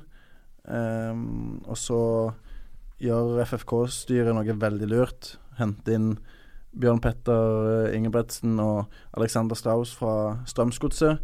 På lån? På lån. Et tre ukers lån. Um, og så klarer de to gutta der å snu alt til at de slår en eh, opprykkskandidat som Sandnes Ulf. Uh, solid på hjemmebane. Ja. ja. det er lenge siden vi har sett, uh, det må jeg kunne si, og det må de tåle der i Plankebyen. Det er lenge siden vi har sett gode avgjørelser tatt av den sportslige ledelsen i Fredrikstad fotballklubb. Så akkurat den avgjørelsen å hente inn BP ja. med assistent uh, for å redde FFK, de har vel Altså, de kunne ikke truffet bedre. Nei, Lett å være etterpå. ja, det er det, for men, det, er jo, det er marginer her. For Hvis du så de første 20 minuttene av den kampen mot Sandnes Ulf, da ligna jo Fredrikstad på det Fredrikstad vi har sett i hele år. Det var høye skuldre, det var nervøsitet, det var dårlige valg. Det, det, det fløyt ikke veldig godt, da. Nei. Men så heldigvis, så for dem så møter de Sandnes Ulf, som er litt på nedadgående. Og så får de den første skåringa. Litt sånn ut på en dødball og litt ut av litt ingenting. Ballen går mellom tre Sandnes Ulf-spillere som ikke klarer å stelle seg foran ballen og stoppe den før uh, Akinemi dunker den inn, liksom. Og da løsner det. Og så mm. får de et mål til ganske kjapt på frispark, og da, er det liksom, da ser de jo ut som en million i forhold til hva de har gjort før i år. Men det er jo en av norsk fotballs dyktigste fagpersoner de har mm. fått inn her. Ja, og i tillegg så er det en uh, mann som alle omtaler som en menneskekjenner. Uh, han leda Strømsgodset til sølv i 2015. Uh, måtte gi seg sommeren 2016 pga. et hjerteinfarkt. Og siden den gang så har han vært speider og samtalepartner mm. i Strømsgodset. Mm. Og det forteller jo en del. Og det første han gjorde på den første dagen sin i Fredrikstad, det var å sette seg ned med samtlige spillere og prate med dem. Mm. Eh, hvordan har du det? Hvordan har det vært? Hva kan du bidra med? Eh, dette ønsker jeg eh, fra deg. Og det syns jeg eh, virker utrolig fornuftig. Han vil se alle spillerne i øya, Ja. Og for å rett og slett finne ut hvem skal jeg bruke nå i de ukene her. Mm. Eller først og fremst i den ene kampen, for å få det resultatet vi trenger. Og hvis det lykkes, og det går veien i de andre kampene, hvem skal jeg bruke i de resterende kvalikkampene? og jeg tror det Fredrikstad-laget som da skal møte Notodden nå, det blir ganske likt det vi så mot Ulf. Jeg føler han har snudd øh, øh, psykologien øh, totalt. Fra å være et lag som var i forsvarsposisjon, til å være i angrepsposisjon. og til å bli litt frykta igjen, da. Mm. Nå kommer plutselig store eh, Fredrikstad med Bjørn Petter Ingebretsen på sidelinja eh, og skal spille kamp. Eh, det tror jeg eh, eh, gjør at Notodden frykter de langt mer enn de ville gjort eh, hvis Fredrikstad hadde eh, kara seg til den plassen på en annen måte. Mm. da hadde de mer sett på det som et bytte som de bare kunne kaste seg over. Mm. Mm. Helt klart. Så er det det er eh, spilles uh, andre kamper uh, også. Ranheim tar imot Sandnes Ulf ja. på, på, søndag. Og der også. er det den, igjen det der som snudde. da Ranheim fikk seg en seier i, i siste serierunde, og Ulf tapte. Og da gikk Ranheim opp på fjerdeplass og får da hjemmebanefordelen. Mm. Fjerde- og femteplassen møtes, og tredje og sjette. Så Mjøndalen møter da Ullkisa hjemme, og Ranheim har Sandnes Ulf hjemme. Og det blir jo to spennende oppgjør, det òg. Ja, for i motsetning til um, Notodden-Fredrikstad, så blir jo dette bare én match. Mm. Og den uh, hjemmebanefordelen der er jo enorm. Mm. Eh, Sandnes Ulf uh, hadde jo en ambisjon om å gå direkte opp før sesongstart. Eh, Bengt Sæternes som trener der, de har satsa godt. har en av de beste spillerstallene i divisjonen. Um, så alt annet enn et opprykk vil jo være skuffende for de. Mm. Men uh, når du ikke går opp som en av de to, uh, så er den veien utrolig kongelig. Da kan alt skje. Alt kan skje. I hvert fall når du får den bortebanegreia òg. Den, den veien er lang, altså. Er det. Men jeg må bare kjapt tilbake til Notodden, for det, den uh, de hadde mot Raufoss, den blei jo akkurat så spennende som man skulle håpe og ønske at den ble. Eh, det sto da 2-1 til Raufoss etter første oppgjør på Nammo i, i Raufoss. Eh, eh Notodden leder 2-0 på hjemmebane og har egentlig sikra kvalikplassen. Og så skårer da Raufoss i det 90. minutt til 2-1. Så det er 3-3 sammenlagt. Like mange bortemål. Det går til ekstraomganger. De ender målløs, og det avgjøres på straffesparkkonkurranse. Hvor da keeperen til Raufoss blir liksom, hva skal jeg kalle det, syndebukken av Ole Kristian Lauvli. Han skyter den tredje straffa og bommer. Er eneste som bommer i straffekonken. Og Rauf, nei, Notodden skårer på si, alle sine og tar, tar, plassen, rett og slett. Mm. Så det var jo kjempe, ja, det var dram dramatisk, rett og slett. Men keeper kan ikke ta straffe? Nei, det må unngå det. det er lett, er lett Utrolig nok. Øyvind Boltoff var fantastisk på straffer. Ja, Det har jeg hørt. Ja, han hadde Chilaver satte på straffa. Ja, han gjorde det, men uh, han skjøt jo blant annet straffe i den derre uh, Wisla Krakow-kampen i 2003 i E-cupen. Det er iskaldt. Da Lars Bohin med krampe fra det, det, grå håret og ned i lilletåa mm. også skjøt straffe der, og uh, Vålerenga vant. Det var helt vilt. Ja, men Notodden, uh, en klubb som har uh, satsa tungt uh, ganske lenge, mm. um, har en del profiler som vi har vært inne på før, med Erik Midtgarden i, i spissen. Uh, Eh, det er klart at et opprykk vil bety veldig mye for dem. Mm. Så har vi jo Mjøndalen. Uh, dette er en, et, et, kjent scenario for de, og de har, de har, fått det til før. Hvor mye har det å si da, når de tar imot Ullkisa? At de har vært der og de har klart å tukte, uh, tukte lag uh, før og, og, tatt et steg nærmere Eliteserien? Altså, sånn som jeg har sett det, så er jo det at den gjengen der fremstår fryktløse. Mm. at det har vært en av de Eh, største fordelene deres. De tar verken seg sjøl så høytidelig eller eh, anledningen eh, så alvorlig. og det Nå kommer de i denne situasjonen igjen med erfaring, som du sier, fra, fra tidligere år. De har vært i Eliteserien. De har spilt eh, egentlig større kamper enn dette her. Og der er det mange bra spillere òg. Mm. Uh, du har uh, Uh, mange av de og selvfølgelig lett å se på Amal Pellegrino, som har skåret 18 ja. mål, f.eks. Og som har levert noen sånne tekniske ja. finesser. Ja. ja, noen fantastiske mål òg. Men i tillegg så uh, Så har du andre som gjør det til et solid lag. Uh, du har Vegard Hansen, Kenneth Carlsen, rutinerte mm. gutter som, som ikke dette er, handler om. Så det blir vanskelig å, å slå Mjøndalen. Ja, og det er så mange i den stallen som har vært med på dette før. Mens, altså det er ikke så lenge siden Ullkis har spilt litt kvalik òg, men de, det er ikke så mange av de spillerne igjen nå, da. Uh, så de har en helt annen erfaring. De har hjemmebanefordelen på Isaksen der. Uh, Mjøndalen er favoritt altså i den uh, kampen. Og jeg føler vel egentlig også at Ranheim er litt favoritter mot Sandnes Ulf, fordi det er hjemme på kunstgresset til Ranheim. Det er ikke det er ikke på det litt tunge gressmatta i, eh, i Sandnes. Ja, det er enorm forskjell. Ja. Men i det oppgjøret mellom Mjøndalen og Ølskisa, så er jeg spent på Niklas Sandberg. Eh, mm. En mann som har vært i kalasform eh, den siste tida. Mm. Har levert en veldig god sesong der. Uh, jeg blir ikke overraska om han uh, avgjør uh, den uh, kampen der. Nei, de har noen sånne Ødemarksbakken som skal til LSK. Ålbu som har vært litt sånn småskada, men er en solid spiss på Obos-nivå. De har flere spillere i det Ullkisa-laget som kan gjøre vei i vellinga mot Mjøndalen. Altså, disse kvalikkampene er jo faktisk noe av det mest spennende med hele sesongen. Kjempespennende. Ja, men det betyr så sinnssykt mye. Den ene kampen. Ja, om, og liksom for disse gutta òg, som OK, får jeg muligheten i Eliteserien? sant? Mm. For første gang. Ja. Eh, I Notodden er det masse spillere som garantert eh, alle har spilt eh, Obos-liga før, uten at jeg har eh, fin, eh, finsikt av den spillerstallen der. Eh, unge talenter som kan få den sjansen. sant? Eh, betydningen er så ekstremt mye mer enn tre poeng, det som vanligvis står på spill. Ja, så er det noe ekstra med, med sånne kamper som, som supporter også. Jeg bare husker fra, fra Horten og når Ørn Horten spilte viktige kamper i toppen av andredivisjon og, og skulle rykke opp eller i toppen av tredje, og det var snakk om kvalif kvalifiseringskampene Det er en helt sånn Hele dagen handler om det når man går ut. Så, så er det nesten som at man lukter ut i lufta, uh, lufta og liksom prøver å kjenne Er det liksom dagen i dag? Hvordan du kommer ned på stadion litt sånn nervøs og bare liksom er, dette, er det riktig? Ser dette riktig ut? Kommer dette til å gå? Eller kommer jeg til å stå ja. her og grine om 90 minutter? Ja. I England så har du disse playoff-finalene som spilles på Wembley, og det er en kjempeskjærondering. Det er nesten ja. som en cupfinale og fullt hus og alt det der.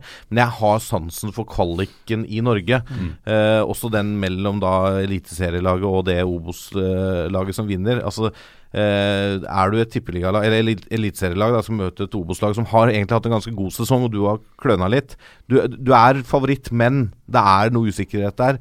Og, men å vinne en kvalik, mm. det er nesten som å vinne seriegull og cupgull. Altså. Men jeg kjente jeg fikk frysninger her, faktisk, eh, Martin, da du fortalte om den følelsen der. For jeg, jeg har vært med på to kamper som skiller seg spesielt ut for meg eh, på den måten her. Det var Én var eh, juniorfinalen i 2008 eh, mot Stabæk, og da var det sånn eh, Vi møtte liksom på en eh, lokal eh, restaurant eh, i Stavanger før match, hele laget.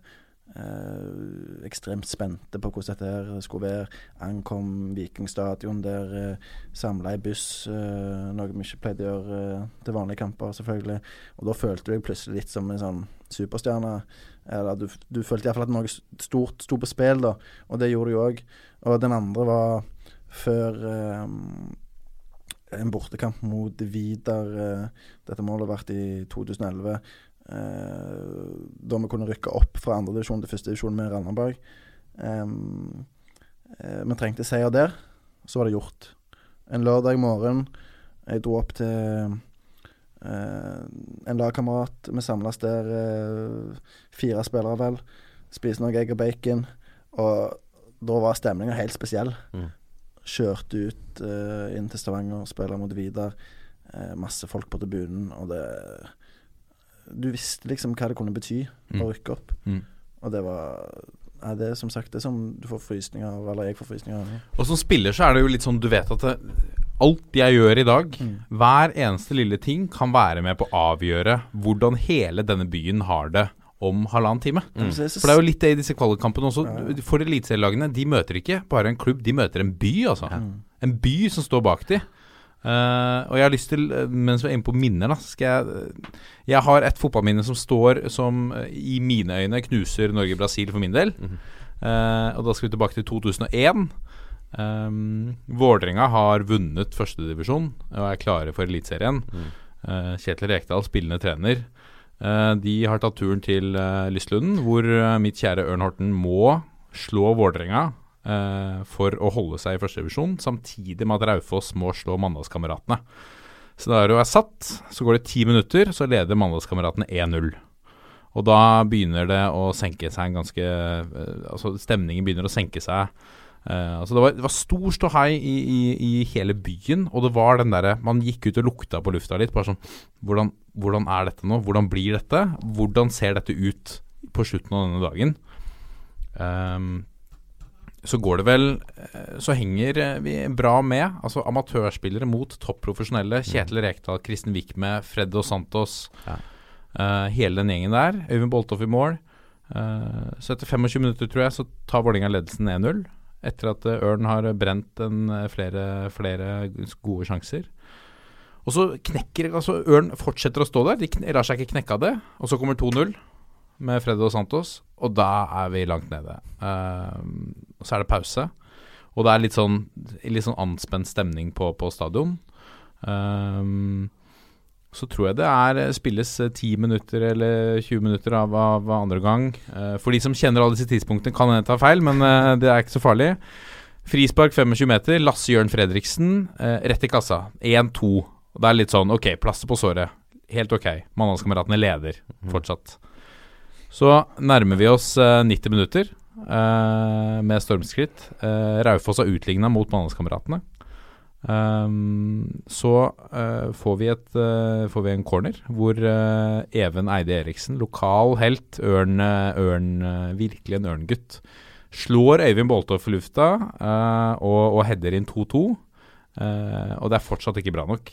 Og så får vi høre at Raufoss har tatt ledelsen mot Mandalskameratene, og det er to minutter på overtid.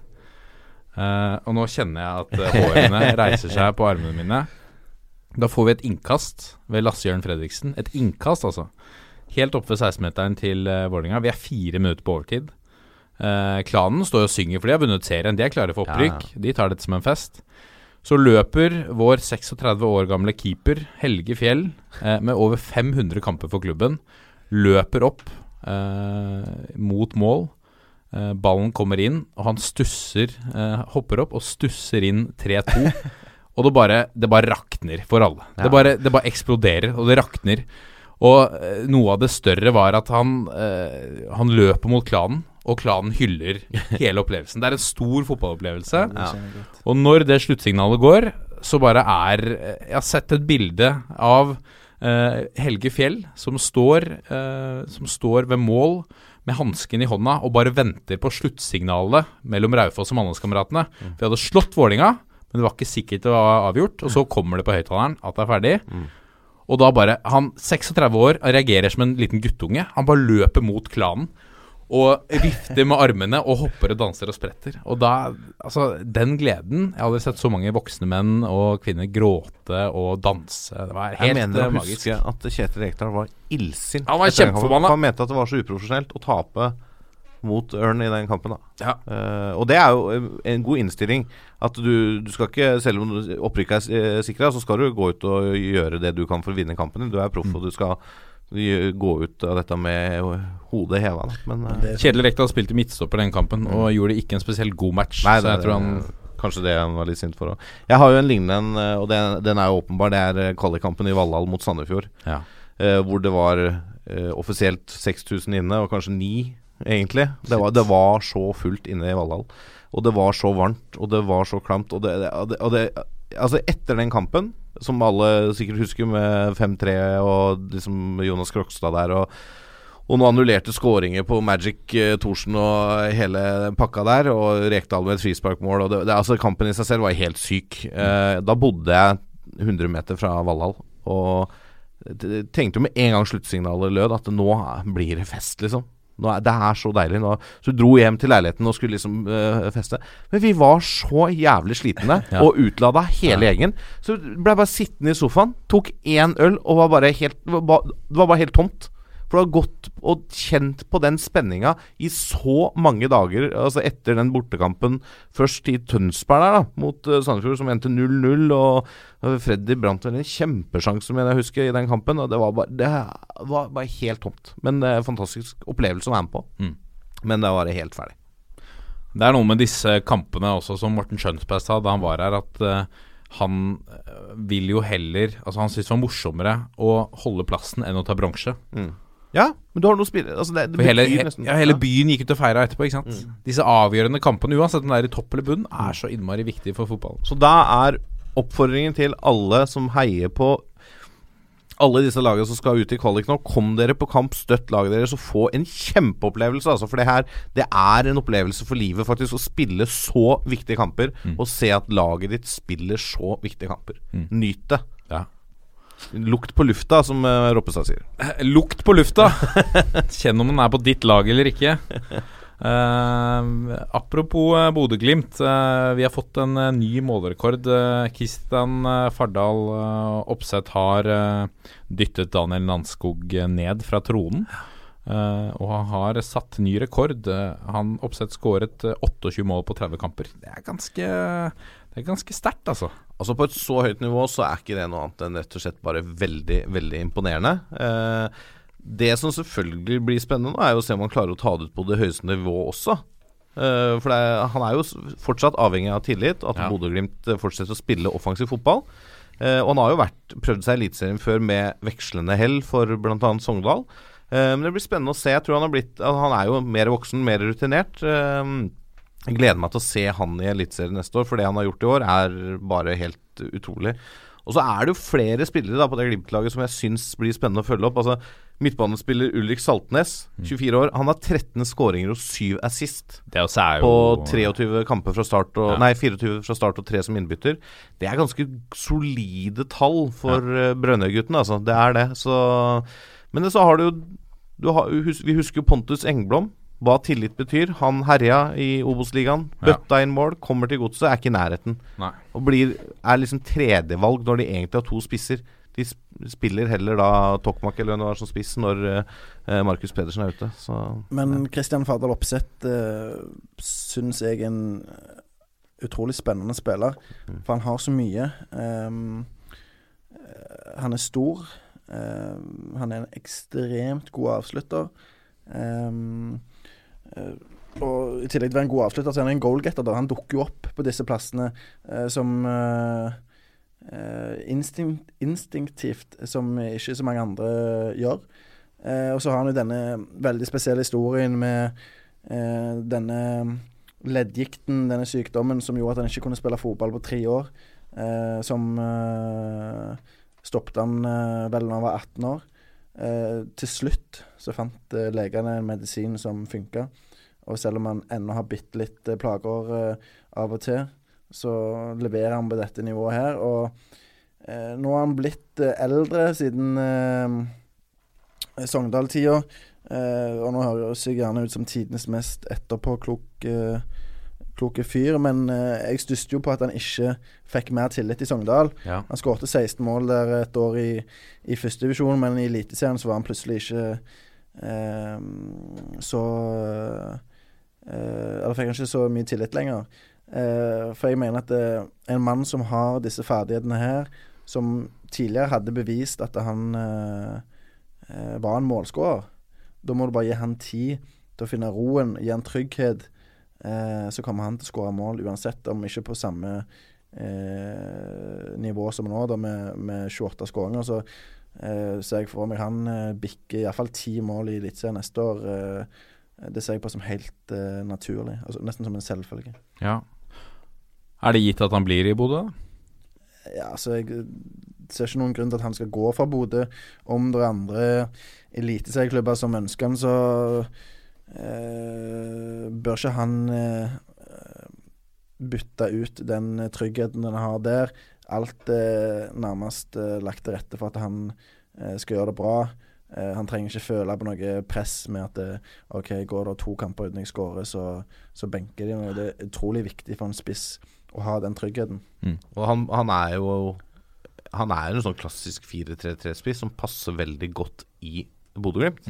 Du ser Alexander Sørloth. Ja. Han har jo banket inn skåringer eh, 13 vel i Eliteserien for Bodø-Glimt før han gikk videre. Ja. Så det er, det er noe med passe i spillestil. Og du, altså, skal han bytte klubb, må han i hvert fall ikke finne på å gå til en klubb som spiller med f.eks. 4-2-2, da. Eller altså må 4-4-2, 4-4-2 heter det kanskje. Det er helt uh, riktig. 4-2-2-2 går, det òg. Ja, det går. Men Ja. det må han ikke finne på. Nei, så Men det blir spennende å se. Jeg, jeg har trua på han. Jeg, jeg, jeg har kjempetro på han. Ja. Apropos eh, Sørloth, vi eh, skal jo gi eh, Lagerbäck Altså, han sitter nok spent nå og følger med på denne episoden, Lagerbäck, for å få litt innspill til hvilket lag han skal starte med mot Makedonia. Uh, han er jo kanskje litt rådvill, for han har fått forfall fra Joshua King, Stefan Johansen, Fredrik Mitche og Omar El Abdelawi. Men han har bare kalt inn to erstattere, Anders Tronsen og Ola Kamara. Um, Ja, jeg, da må jeg bare litt innom det jeg var inne på i innledningen her i dag. eh, med disse eh, privatkampene, da. Jeg syns det er synd at vi så mange ganger opplever det at det kommer en del sånne uh, ublu forfall. Ja. Uh, altså, Joshua King han er bankers på dette laget uansett, det vet vi. Eh, Stefan Johansen han er ikke bankers på midtbanen lenger med Sander Berge og Markus Henriksen skadefri, eller Selnes for den saks skyld. Eh, Fredrik Mitsjø får liksom muligheten til å komme og vise seg fram nå, og har noe rusk som han velger å Ja, private årsaker, uh, visstnok. ja, Kanskje det er noe fødsler på gang eventuelt, da. Det, Det- vet man jo ikke. Men ok, uansett, da. Nå er det mulig Altså, disse kampene er muligheten for å spille seg inn i troppen og kanskje laget til Lagerbäck. Uh, for en del spillere. Og jeg syns det er synd at uh, mange spillere ikke tar Det virker jo sånn da når det blir For det er ofte mange forfall til sånne privatkamper. Og så spiller de neste serierunde. Ja. Og det irriterer meg litt. Ja, du har jo King, som du nevner. Han har jo slitt med mm. eh, ryggplager og, og, sykdom som har gjort at han ikke har spilt så veldig mye for Bournemouth eh, de siste rundene. Han spilte på Newcastle sist nå, men eh, jeg skjønner Han var god. Ja, jeg skjønner at han vil eh, ta det med ro nå og bygge seg opp igjen. Eh, det forstår jeg. Samtidig så er han bankers på laget, som du sier.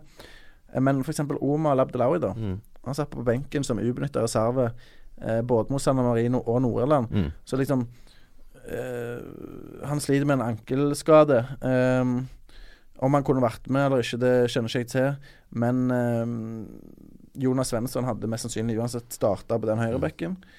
Eh, og så har du Martin Linnes òg nå som backup, mm. så det er liksom ikke noe Det er ikke noe krise. Det ikke noe krise. Og jeg tror Omar hadde stilt hvis han var helt frisk. Mm. Men, uh, ja, ja. Og, og, men, jeg tror allikevel at det, du, du tar jo ikke ut en spiller i stallen som du vet er skada.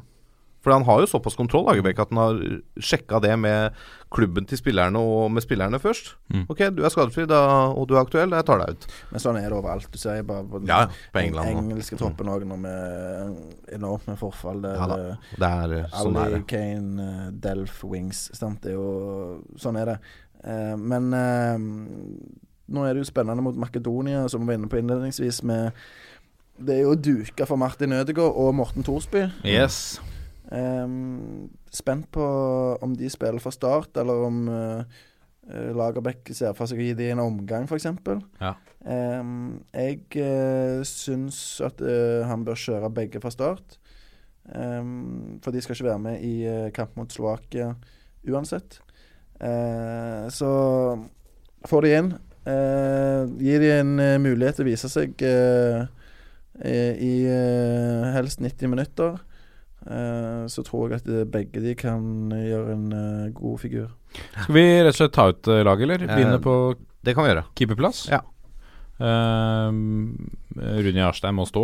Ja, jeg, jeg, tror i hvert fall han står den første mot ja. Makedonia. Ja. Tror du de varierer? Kanskje. Det ja, kommer vi tilbake til når vi skal ta ut Slovakia-laget etterpå.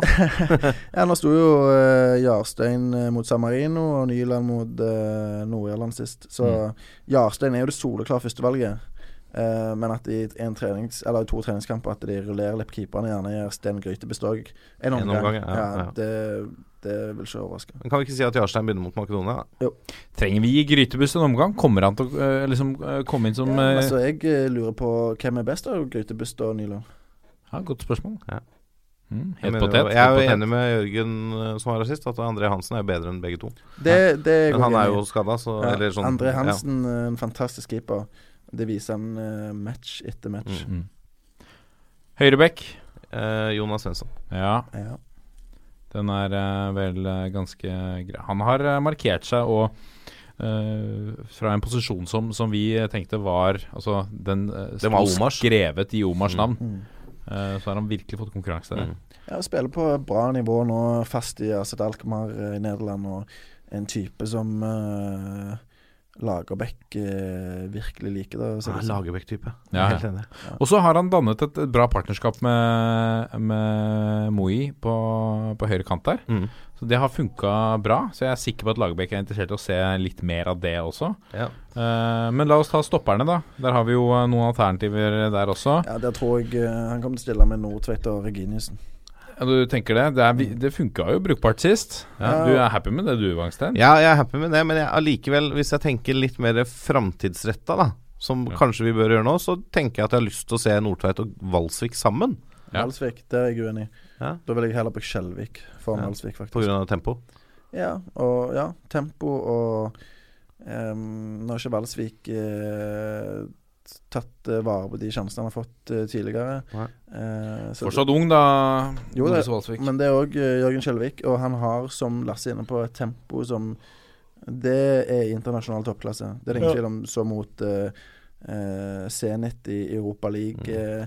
Eh, hvordan han rydder opp gang etter gang etter gang eh, i det Rosenborg-forsvaret når det kom eh, baller i bakrom. Vi så var flere eksperter i din avis som eh, la fram, eller lanserte han som den stopper, en av stopperne i troppen til sluttspillet i 2020. Mm. Ja, det ser jeg jo på som Han er jo fortsatt forholdsvis ung, så ja. ja. Reginisen er bunnsolid, uh, men han har runda 30. Sånn, per dags dato så er han et sikrere kort. Mm. Og han har bra tempo, han òg. Altså. Ja, det, ja, han er veldig bra spiller. Men mm. at Skjelvik uh, eh, som ikke har spilt midtstopper altfor lenge, at han eh, kan bli en viktig mann på sikt, eh, er det ikke tvil om. Nei. Hva med venstrebekken? Altså, er Birger Meling? Ja. ja. Det er ikke så veldig mange der som kan ta den plassen. Ja, for Haitam er vel ikke med, han er ikke, alle sammen nå. Og da har vi ikke noen andre venstrebekker. Da må, hvis ikke vi skal begynne med sånn som vi holdt på før, da dytte en høyrebekk ja, på venstrebekk. Vi dropper med, det, da. Ja. han hadde to gode matcher sist. Han har tatt Solid. Sleit litt mot Zenit, da. Jo da, men det er mange som kanskje litt mot de. Det er, det er bra. Men jeg, jeg syns han var solid i de forrige landskampen. Jeg er enig med Joakim der. Jeg, jeg, må bare si, da før vi går videre, i den Makedonia-kampen så har jeg lyst til å se De prøver en slags 4-3-1-2-formasjon. Okay. Med en fremskutt midtbanespiller og én defensiv. Uh, og det en diamant? En, nei den, ja, 4-3-1-2? 4-3-1-2 eller 4-1-3-2, hva du vil kalle det. det Forstår. Men, Interessant forslag, men det tror jeg aldri kommer til å skje når Lagerbäck Nei, jeg, fire, nei. To, klassisk. Ja, det blir jo det. Men uansett, da, da skal jeg bare ta midtbanen min, og så tar dere, dere sett på. Ja, gjør det da. Martin Ødegaard til høyre, Selnes, Torsby sentralt, da Mats Møller Dæhlie til venstre. Ja, da tenkte jeg Torsby litt sånn offensiv. Og det er fordi at det er den kampen her. Nå, Det er her Ødegaard og Torsby må vise seg fram. Mm. Jeg tenker de får 60 minutter fordi at de skal spille kamp noen dager etterpå U21, som er viktig. Eh, men jeg håper å se begge to fra start. I hvert fall en omgang, kanskje 60. Ja, jeg kan ta min. Nå har jo Ødegaard blitt drilla en del på venstre, mm. faktisk, eh, eh, de treningene i Makedonia. Og det kan godt være pga. det du sier, Martin, med eh, samspillet mellom Moi og Svensson. At han vil eh, fortsette å dyrke det. Men eh, midtbanen min eh, Jeg ville jo spilt med Ødegaard på høyre kant. Mm. og Mo i venstre. Mm. Og så ser jeg for meg å gi eh, Thorsby sjansen sentralt, sammen med Markus Henriksen. Um, og det er egentlig med utgangspunkt i at uh, Markus Henriksen er en mann som uh, Lagerbäck uh, ser ut til å ønske å, å egentlig dyrke. Ja, dyrke, bygge en del av laget rundt. Mm. Uh, som vi har snakket om i en tidligere podkast, at jeg tror Lagerbäck ser litt Gulfi Sigurdsson i Markus Henriksen. Mm, og mm. Og at han kan komme med, med dype løp for midtbanen og bidra masse assist og en del skåringer. Ja. Vi har jo noe, ja, nå syns jeg vi har mye spennende alternativer på, på, midten her. da Vi ønsker å se mer av Thorsby og, og av uh, Ødegaard fra start. Så vi har en kombinasjon med Moi og Svensson som fungerer godt. Mm. Uh, og vi har Markus Henriksen som, som var bra sist, uh, og som er litt på gang. Og for ikke å snakke om Mats Møller Dæhlie, som altså spiller flere bra kamper enn dårlig, mm. sånn totalt sett. Han er som, en fantastisk fotballspiller. Ja, som har den ten, han, Men han har også den egenskapen da, som jeg tipper at uh, Lagerbäck også ser, at han har mulighet for å komme inn fra benken og forandre litt mm. en match. Mm. Men grunnen til at jeg kjører inn Thorsby nå, f.eks., det er jo med tanke på at det, eh, han er tatt ut for, for sjansen å vise seg fram. Mm. Jeg sier ikke at det, eh, jeg eh, nødvendigvis vurderer han som en bedre spiller enn Ole Selnes, f.eks. Eh, men i dette oppgjøret her, med tanke på at de har en U21-kamp eh, neste uke, og sånn, så mener jeg det er rett å, å gi han Ødegaard til fra start. Ja, de bør få spille 60, mm. etter min mening. Enig. Spissplass, da. Der har vi fått litt, uh, litt nytt blod inn i rekkene. Um, I form av Ola Kamara. Ja, altså Nytt og nytt. Han eh, står med syv matcher, men Kirkevold, som ja. be, mest sannsynlig debuterer. Ja, han får, han får, spilletid, men jeg tror i hvert fall Alexander Sørloth er bankers på den ene spissplassen. Mm. Uh, jeg tror egentlig nå med King ute at uh, Søderlund også er det. Ja, men det som er med Søderlund, nå sliter han med en stiv hamstring, så han er mest sannsynlig ute av Makedonia-matchen. Ja, og da, da tror jeg det blir Kamara. Sørloth og Kamara? Ja, jeg tror det er i første kampen. Jeg tror det blir uh, Sørloth og Kirkevold i første kamp. Tror du det? Dance, Danish Dynamite. Det, ja, det er jo to, uh, to uh, toppskårere i, i Superligaen uh, som uh, Sørloth Han har jo vist at han er på en måte inne. Mm. Og nå er det jo en veldig god mulighet for å gi Kirkevold sjansen fra start òg. Jeg håper vi får se Kirkevold. Jeg er så spent på om han har det nivået der. Mm. Det, er, det, er, virkelig liksom, Det gleder meg virkelig til å se, ved siden av selvfølgelig Martin Nødegaard og og Torsby. Og Torsby. Ja. Jeg leste en god sak fra kollega Arilis Bergolsada i VG i dag, der eh, Kirkevold snakker om hvilke grep han har tatt. Han sa det var gjerne litt mye god mat eh, tidligere, eh, mens nå har han blitt sammen med eh, ei dame som eh, studerer ernæringsfysiologi, kan det stemme? Ja, det stemmer. Ja. Eh, så han har gått ned eh, fra 89 til 85 kilo på ikke altfor lang tid, og føler seg jo naturlig nok mye lettere. Eh, Istedenfor å hive en pizza i ovnen når han kommer hjem fra trening, så lager han noe proteinrik kylling eller noe sånt.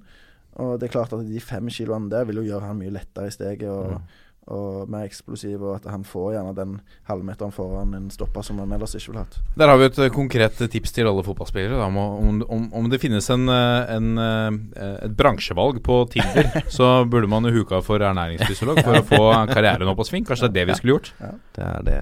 Ja. Det er der vi bomma. Men uh, kan du tenke sånn ja, jeg er enig med valget av Kirkevold fordi at han ble plukka ut i bruttotroppen, og Kamara kom inn som erstatter.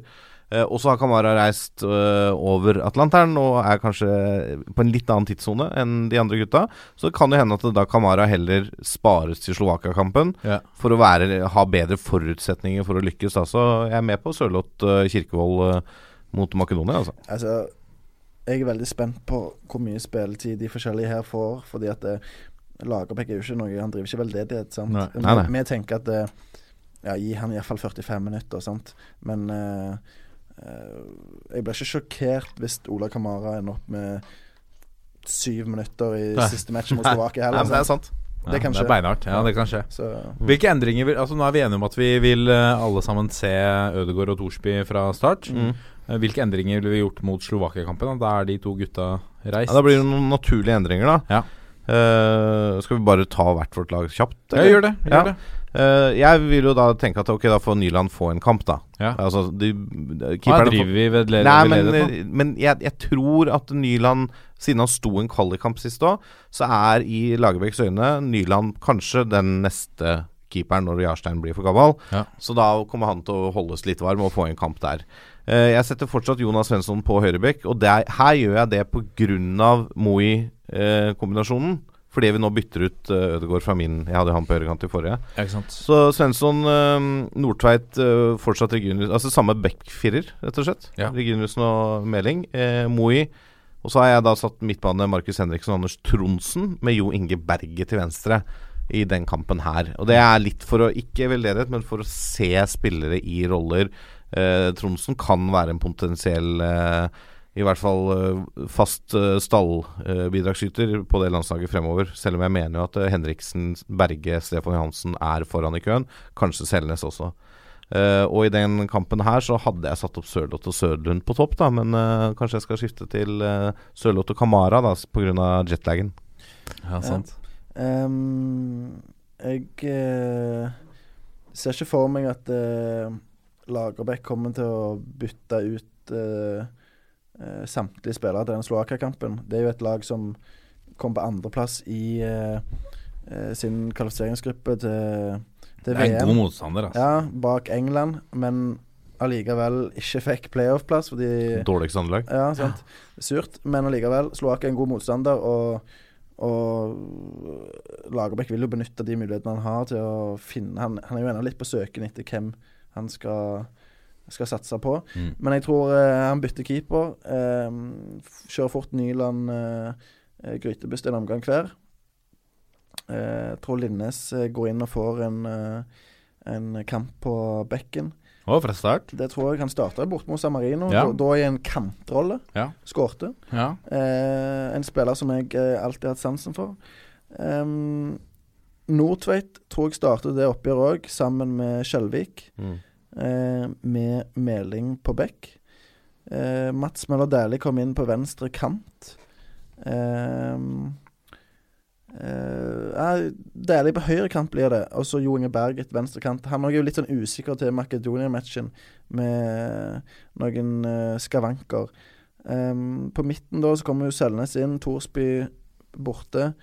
Um, og så spørsmålet om han fortsetter med Henriksen eller om han kjører igjen Tronsen. Mm. Uh, hvis Henriksen kommer seg uh, helskinna gjennom Makedonia-kampen, så tror jeg Lagerbäck fortsetter med han. Og så har du da eh, spørsmålet om Søderlund blir klar. Er han klar, så tror jeg han starter på topp. Um, og så gjenstår det litt å se hvordan de spissene som får mulighet mot Makedonia, gjør det. da Hvis mm. det er en som er on fire, så tipper jeg han fort får uh, en ny sjanse mot uh, Slovakia, og da gjerne på bekostning av en del spilletid for Ola Kamara. Mm. Jeg vil gjerne se Linnes i en av disse kampene, men jeg vil helst da se en som høyre back. Mm, ja. Og da kanskje mot Makedonia, da. Og så siden vi da skal likevel bruke en annen høyrekant, og så ha Svensson og Moi på høyresida mot uh, Slovakia. Jeg vet ikke. Men uh, det er noen valg han må ta, Lars, uh, nå. Og det blir spennende å se hvilke valg han tar, og det blir selvfølgelig spennende å se om han bare går for det her og fortsatt spille inn liksom de som skal spille sammen. For han er jo veldig vært en sånn type som når han først satt et lag, så gjør han ikke mange endringer, eh, i hvert fall i kvalikkamper. Nei. Det er en god anledning. Eh, han har blitt tvunget til å teste litt nytt, og det er jeg litt glad for. Jeg gleder meg til å se litt, eh, litt nye fjes også. Um, ja, for det de spillerne vi diskuterer her nå, liksom alle er gode alternativer. Uh, for eksempel uh, Eh, jeg mener Skjelvik eh, eh, er foran Valsvik og sånn, men Valsvik òg er en spennende spiller. Eh, fin stoppertype. Eh, så liksom uansett hvem Lagerbäck velger her, eh, så blir det interessant å se hvordan de presterer. Ja. Alle har et bra potensial.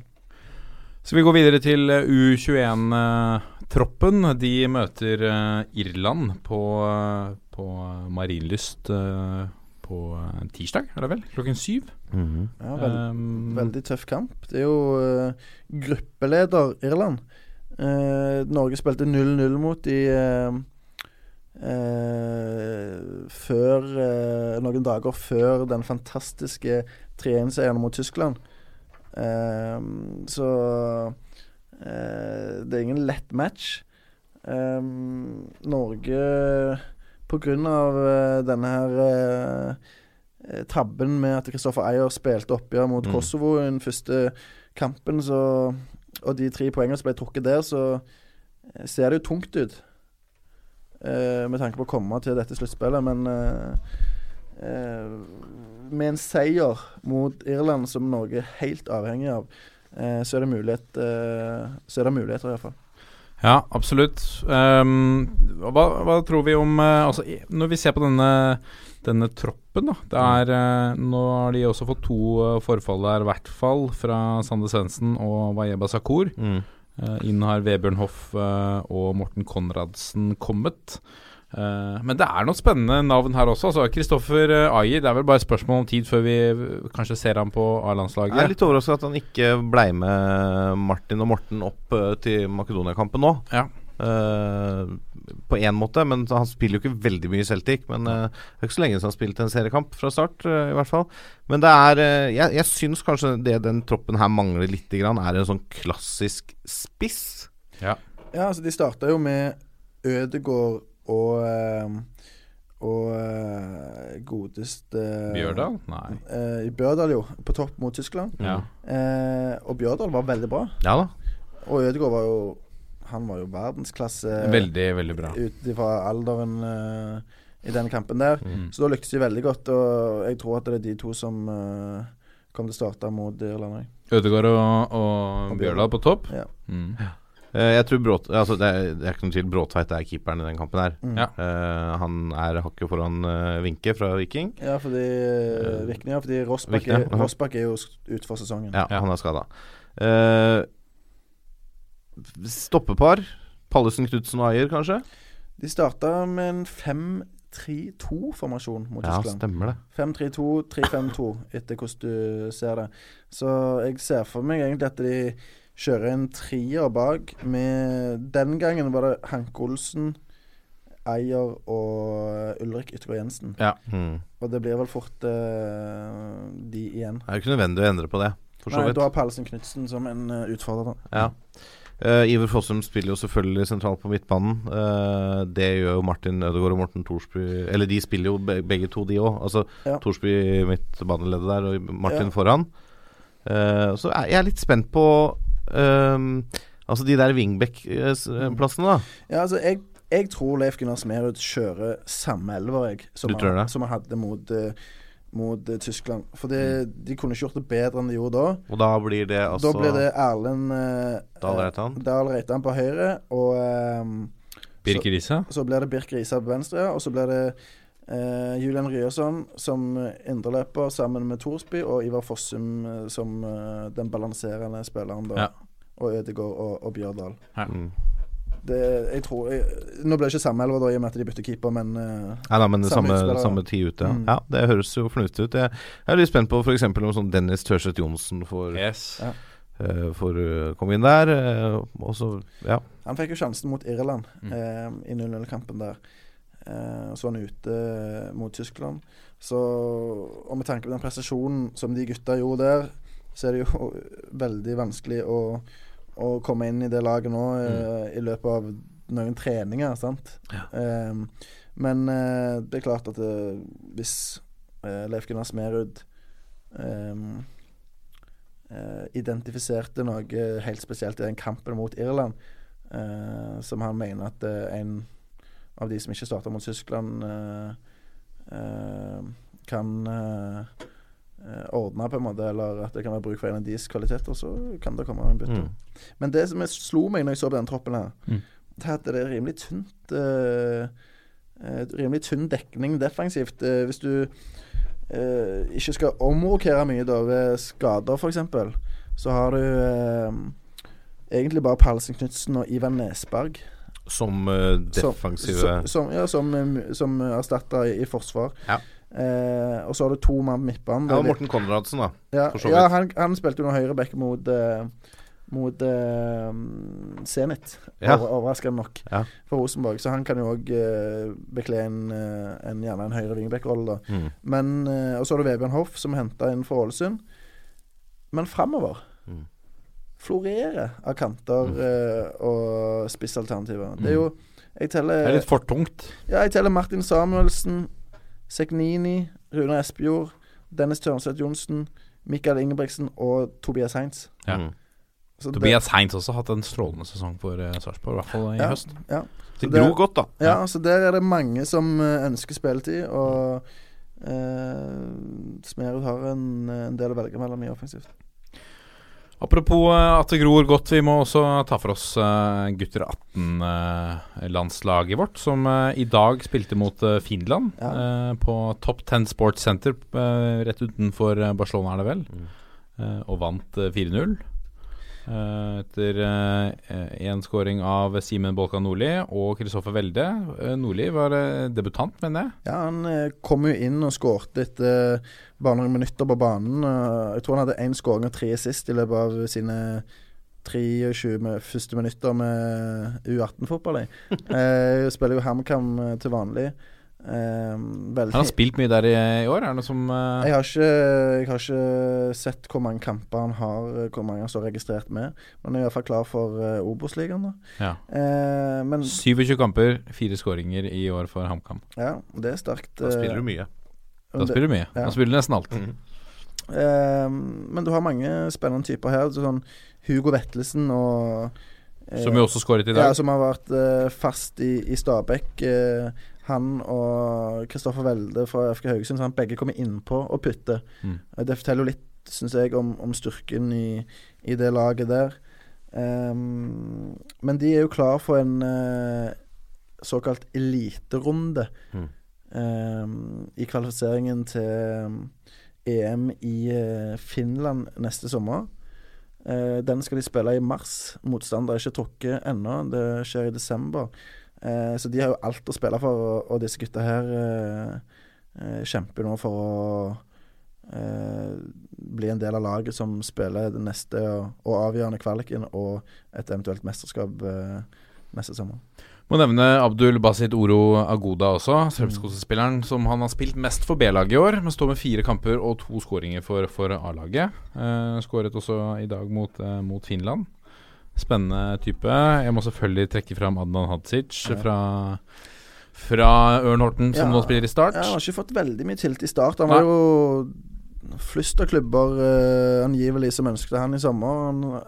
Én match fra start for Start, ja. og uh, syv innhopp. Uh, så det er ikke så mye, men samtidig er det jo stort sprang fra tredjedivisjon til, til førstedivisjon òg. Det er det, så vi skal gi han litt tid, men han er jo lovet tillit. Og det er jo en av grunnene til at han valgte Start framfor bl.a. Uh, Odd og, og Sandefjord. Mm. Um, og Stabæk, vel. Men så satt den mannen som jeg ser på som mest spennende i hele denne troppen her, han satt på benken som ubenytta reserve av uh, en grunn som jeg ikke kjenner til. Det er Erling Braut Haaland. Ja. Mm. Uh, fremdeles eh, en veldig ung kar. som har et år å gå på til mange av de andre i denne troppen her, men han er ekstremt spennende. Veldig, veldig spennende. Jeg, jeg, mener jo altså, det han tidvis har vist på eliteserienivå mm eh, i år. Da er jo han nesten eh, Burde nesten kunne vært et spissalternativ på U21. Ja. For han har fysikken til det. Ja. Og han, er, han har bra tempo, og han tar for seg dueller. Altså, han Absolutt. brøyter seg vei. Han er jo et beist i alderen å være. Uh, ja, I hvert fall nå som vi har en U21-tropp hvor vi, vi, mangler litt spisser. Ja, altså, vi har mange offensive spillere, men som vi snakket om, vi har ikke den rene spissen, eh, den target-spissen f.eks. Det, det er veldig mye i små spillere. Ja, du har Sander Svendsen som meldte forfall nå, for ja, eksempel, eh, som er en nydelig ballspiller, men en helt annen type ja. enn Erling Braut Haaland. Mm. Eh, men han er liksom Han er ikke en mann jeg er bekymra for ikke kommer til å få tillit eh, nei, nei. på de norske landslagene, fordi han er jo han er jo øh, drømmespilleren for øh, norske landslagstrenere, så mm. vil jeg tro. Ja. Han har jo liksom fysikken øh, og kraften som du nevner, og i tillegg så han vist at han kan skåre mål. Og Hvis han fortsetter utviklinga nå i vinter Jeg ser ikke bort fra at han er fast Han er en av de mm. første opp på tavla til Solskjær neste år. Det tror jeg Som 17-åring. Og da er det jo bare snakk om tid før han øh, gjør som sin far og flytter utenlands. Mm. Ja, ikke sant. Skal vi, øh, skal vi driste oss til å sette opp en elver her også, eller? I U18? På G18? G18. Den, er, den er jo vrien, da. Jeg skal ikke jeg skal ikke eh, gå inn i Det er vel dristig å ikke gjøre det? Jeg skal ikke gå inn i for, jeg skal, jeg skal ikke gå inn i for store diskusjoner med, med Paco, som er landslagstrener for U18, uh, men uh, vi kan jo gå gjennom laget som starta mot Finland. Ja. da hadde du Julian Feie Lund, som har stått 27 matcher for Levanger i Obos-ligaen denne sesongen på lån fra Rosenborg, mm. i mål. Eh, så hadde du Christian Borchgrevink, hvis det uttales riktig. Borchgrevink. Ja. Eh, Vålerenga Beck. Eh, Vært bra når han har fått sjansen. Ja, og han er jo kaptein på dette laget. Ja. Hva skjedde med han eh, godeste, jeg har glemt hva han heter, han som fikk tillit eh, mot uh, United? Uh, som var på uh, prøvespill. Husker du vi snakket om han? I denne sendingen også. Ja, han som var litt uheldig. Litt uheldig, men fortsatt modig. Altså litt tøffing. Ja, Kaptein på Ja, ja vi, jeg skal finne det ut. Vi går videre. Ja, går videre. ja I midten av Forsvaret så spilte Tord Salte, som er en Bryne-gutt som dro til Lyon som 16-åring. Er fortsatt i ungdomssystemet der i Frankrike. Han spilte sammen med Leo Skiri Østigård, som uh, er fra Molde. Så hadde du uh, en mann med mange navn på venstre bekk, Lukke Mikkelsen, forkorter jeg det til, fra HamKam. Og så hadde du nevnte Hadzic uh, på midten, sammen med Martin Tangen Vinjord, Emil Bohin. og så hadde du òg Jens Petter Hauge, som hadde tolv assist for Bodø-Glimt i, i Obos denne sesongen. Um, og Abdel Basit Agoda, som, som, du nevnte, Martin, fra Godset, og Eman eh, Markovic fra Molde på topp. Ja. Benjamin Gleditsch. Benjamin Gleditsch var det. Ja. Det ble ikke noe overgang på gutten. Det ble ikke det. Må tro om uh, kampen var avgjørende, gitt. Kan hende. Ennå opp, ikke gi opp, ikke gi opp. Han er født, han er født i 96, da, så han hadde jo ikke, ikke vært aktuell for dette. Nei. Dette landslaget. Alle dere som studerer ernæringsfysiologi der ute, uh, Benjamin Gleditsch er det, altså, det er, han, det er ikke, han har ikke noen vektproblemer, det må vi ikke nei, kunne nei. si. det tror jeg ikke vi skal si. Nei. um, en referanse til tidligere i sendingen. Ikke meningen å henge ut noen der, men nei, nei, uh, nei. nei, men de gutta her, så jeg håper de uh, får en grei vei i denne eliterunden i mars. Ja. Og at de kommer seg til det mesterskapet neste sommer. Eh, får med seg eh, gode opplevelser. Sant? Da kan det bare bidra positivt til utviklingen deres. Hvem av disse tror vi er nærmest en U21-tropp, da? Nei, altså Jeg nevnte jo Erling Braut Haaland. Jeg, ja. jeg, tror faktisk han fort kan finne på å være der og banke på den døra neste år. da Hvis han fortsetter utviklinga og spiller mye eliteseriefotball. Eh, kanskje Jens Petter Hauge, basert på hvordan han har levert for Bodø-Glimt i år. Han virker kjempespennende. Det blir veldig Også en sånn Bodø-Glimt-spiller jeg gleder meg til å se i Eliteserien. Mm. Mm. Eh, Hugo Vettelsen, selvfølgelig. Det han tidvis finner på med inn, på et godt Stabæk-lag. Det er jo det er gøy å se på. Ja, 2000-modell, vet du. Ja, det er det, vet du. Han er ikke Ja, det er ganske Men, men hva, det er jo spørsmålet liksom, hvis, han, uh, hvis han markerer seg uh, ytterligere for Stabæk neste år, mm. uh, er det ikke riktig å flytte han uh, tak opp på, på U21? da? Jo, altså du skulle jo tro det, men og, og, det kan jo skje veldig fort. Men det er litt sånn hierarki her, da. Mm. At du må først dominere på ett landslag før du kan ta steget videre til det neste. Ja. Um, men uh, det er mange spennende navn her, og um, uh, så er det alltid sinnssykt vanskelig da, å si hvem som uh, klarer å, å, stå i dette utviklingsløpet som NFF så populært kaller det. Landslagsskolen, ja, og så plutselig om, om, åtte år da så dukker opp en 26-åring som ikke har spilt en landskamp, ja, ja. ikke sant? som mm. får muligheten på A-landslaget.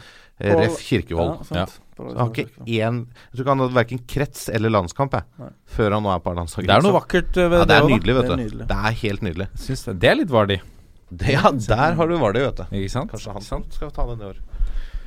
Årets ja, trøen. Spennende kamper med, med, med, spennende spillere. Altså, nå er det interessante navn både på 18, U21 og på landslaget vårt. Uh, og, og, interessante kamper, selv om ikke alle er like viktige.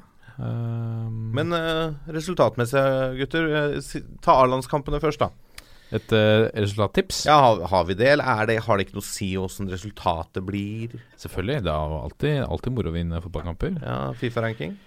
Fifa-ranking, ja, ikke minst. Uh, jeg, jeg, tror vi vinner 2-1 mot Makedonia. Mm. Jeg, jeg, jeg, er så naiv, så må ikke ta og, og løpe til din lokale bokmaker med dette tipset. Men uh, det er hjertet som tipser her. 2-1, ja. tipper jeg. I begge? Uh, ja, hvorfor ikke? ja, vi, vi, møter jo to lag som vi aldri har uh, tapt for. Ja, jeg tipper 2-1 over Makedonia, og så tipper jeg 1-1 mot Slovakia. Ja. Skal du ha statistikken? Ja takk. Ja. Eh, Norge har møtt Makedonia tre ganger før. Ja. To hjemmeseiere, VM-kvalik i 2009 og privatkamp i 2013. Og 0-0 i Makedonia i VM-kvalik 2009. Det er ungt landslag, dette. Slovakia har vi møtt to ganger før. Ja. 2-0 på Ullevål i privatkamp i 2000. Og 1-0 til Norge i Slovakia i 2010. Og da en liten quiz til dere gutter. Hvem skåra Norges mål i den 2010-kampen? 2010 Hva ble stillingen? 1-0 til Norge. Uh. Var det i Makedonia eller Oslo? Det var Slovakia. Det var Slovakia. Slovakia den siste. Uh, Moa. Nei. Det er seks år siden. Ja, år 2010? Mm. Det kan ikke være uh, Christian Grené? Nei, det var ikke det heller. Morten Molskred! Morten, Morten. Morten Molskred! ja. Shit!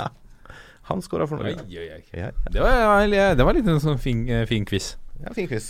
Den kan, kan vi ta med det kan vi ta med. Vi kan jo uh, samtidig markedsføre at vi er tilbake på pokalen 23.11. Med en ny, uh, med en ny uh, fotballquiz. torsdag 23.11 er vi der. Um, noen, av, noen, av, dere, i hvert fall. Noen av oss. Noen av oss. um, med spørsmål både fra norsk og internasjonal fotball. Så hiv dere med på det. vi håper å se dere. Og ta gjerne en, en pils og litt fotballprat i etterkant. Det er alltid moro. Uh, har dere noe mer på hjertet før vi skal, uh, før vi skal runde av uh, for i dag? Bare oppfordre folk enda til å støtte opp om de lagene som skal spille viktige kvalikkamper, og, ja. og se norsk fotball. Og det vil jeg jo tro at de som hører på denne podkasten, gjør. Det vil jeg tippe. Det vil jeg absolutt tro. Vi er Å uh, ja, jeg skulle til å avslutte. Har du noe på hjertet? Nei, jeg er helt enig. Jeg bare nikket bifallende til uh, Bårdsens kloke ord. Veldig bra. Da sier jeg som følger Vi er Toppfotball på Facebook, Twitter og Instagram. Og på e-post send en mail til toppfotball at 451.no med Uh, gjerne noen tips eller uh, anbefalinger til ting vi bør snakke om. Vi, uh, vi nærmer oss sesongslutt, da trenger vi flere temas. Eh, så kjør på den eh, e-posten eh, der. Og legg gjerne inn en rating også, da blir vi superhappy. Nå må vi avslutte som vi pleier å gjøre, og da sier vi 1, 2, 3. Vi er en gjeng! Ha det!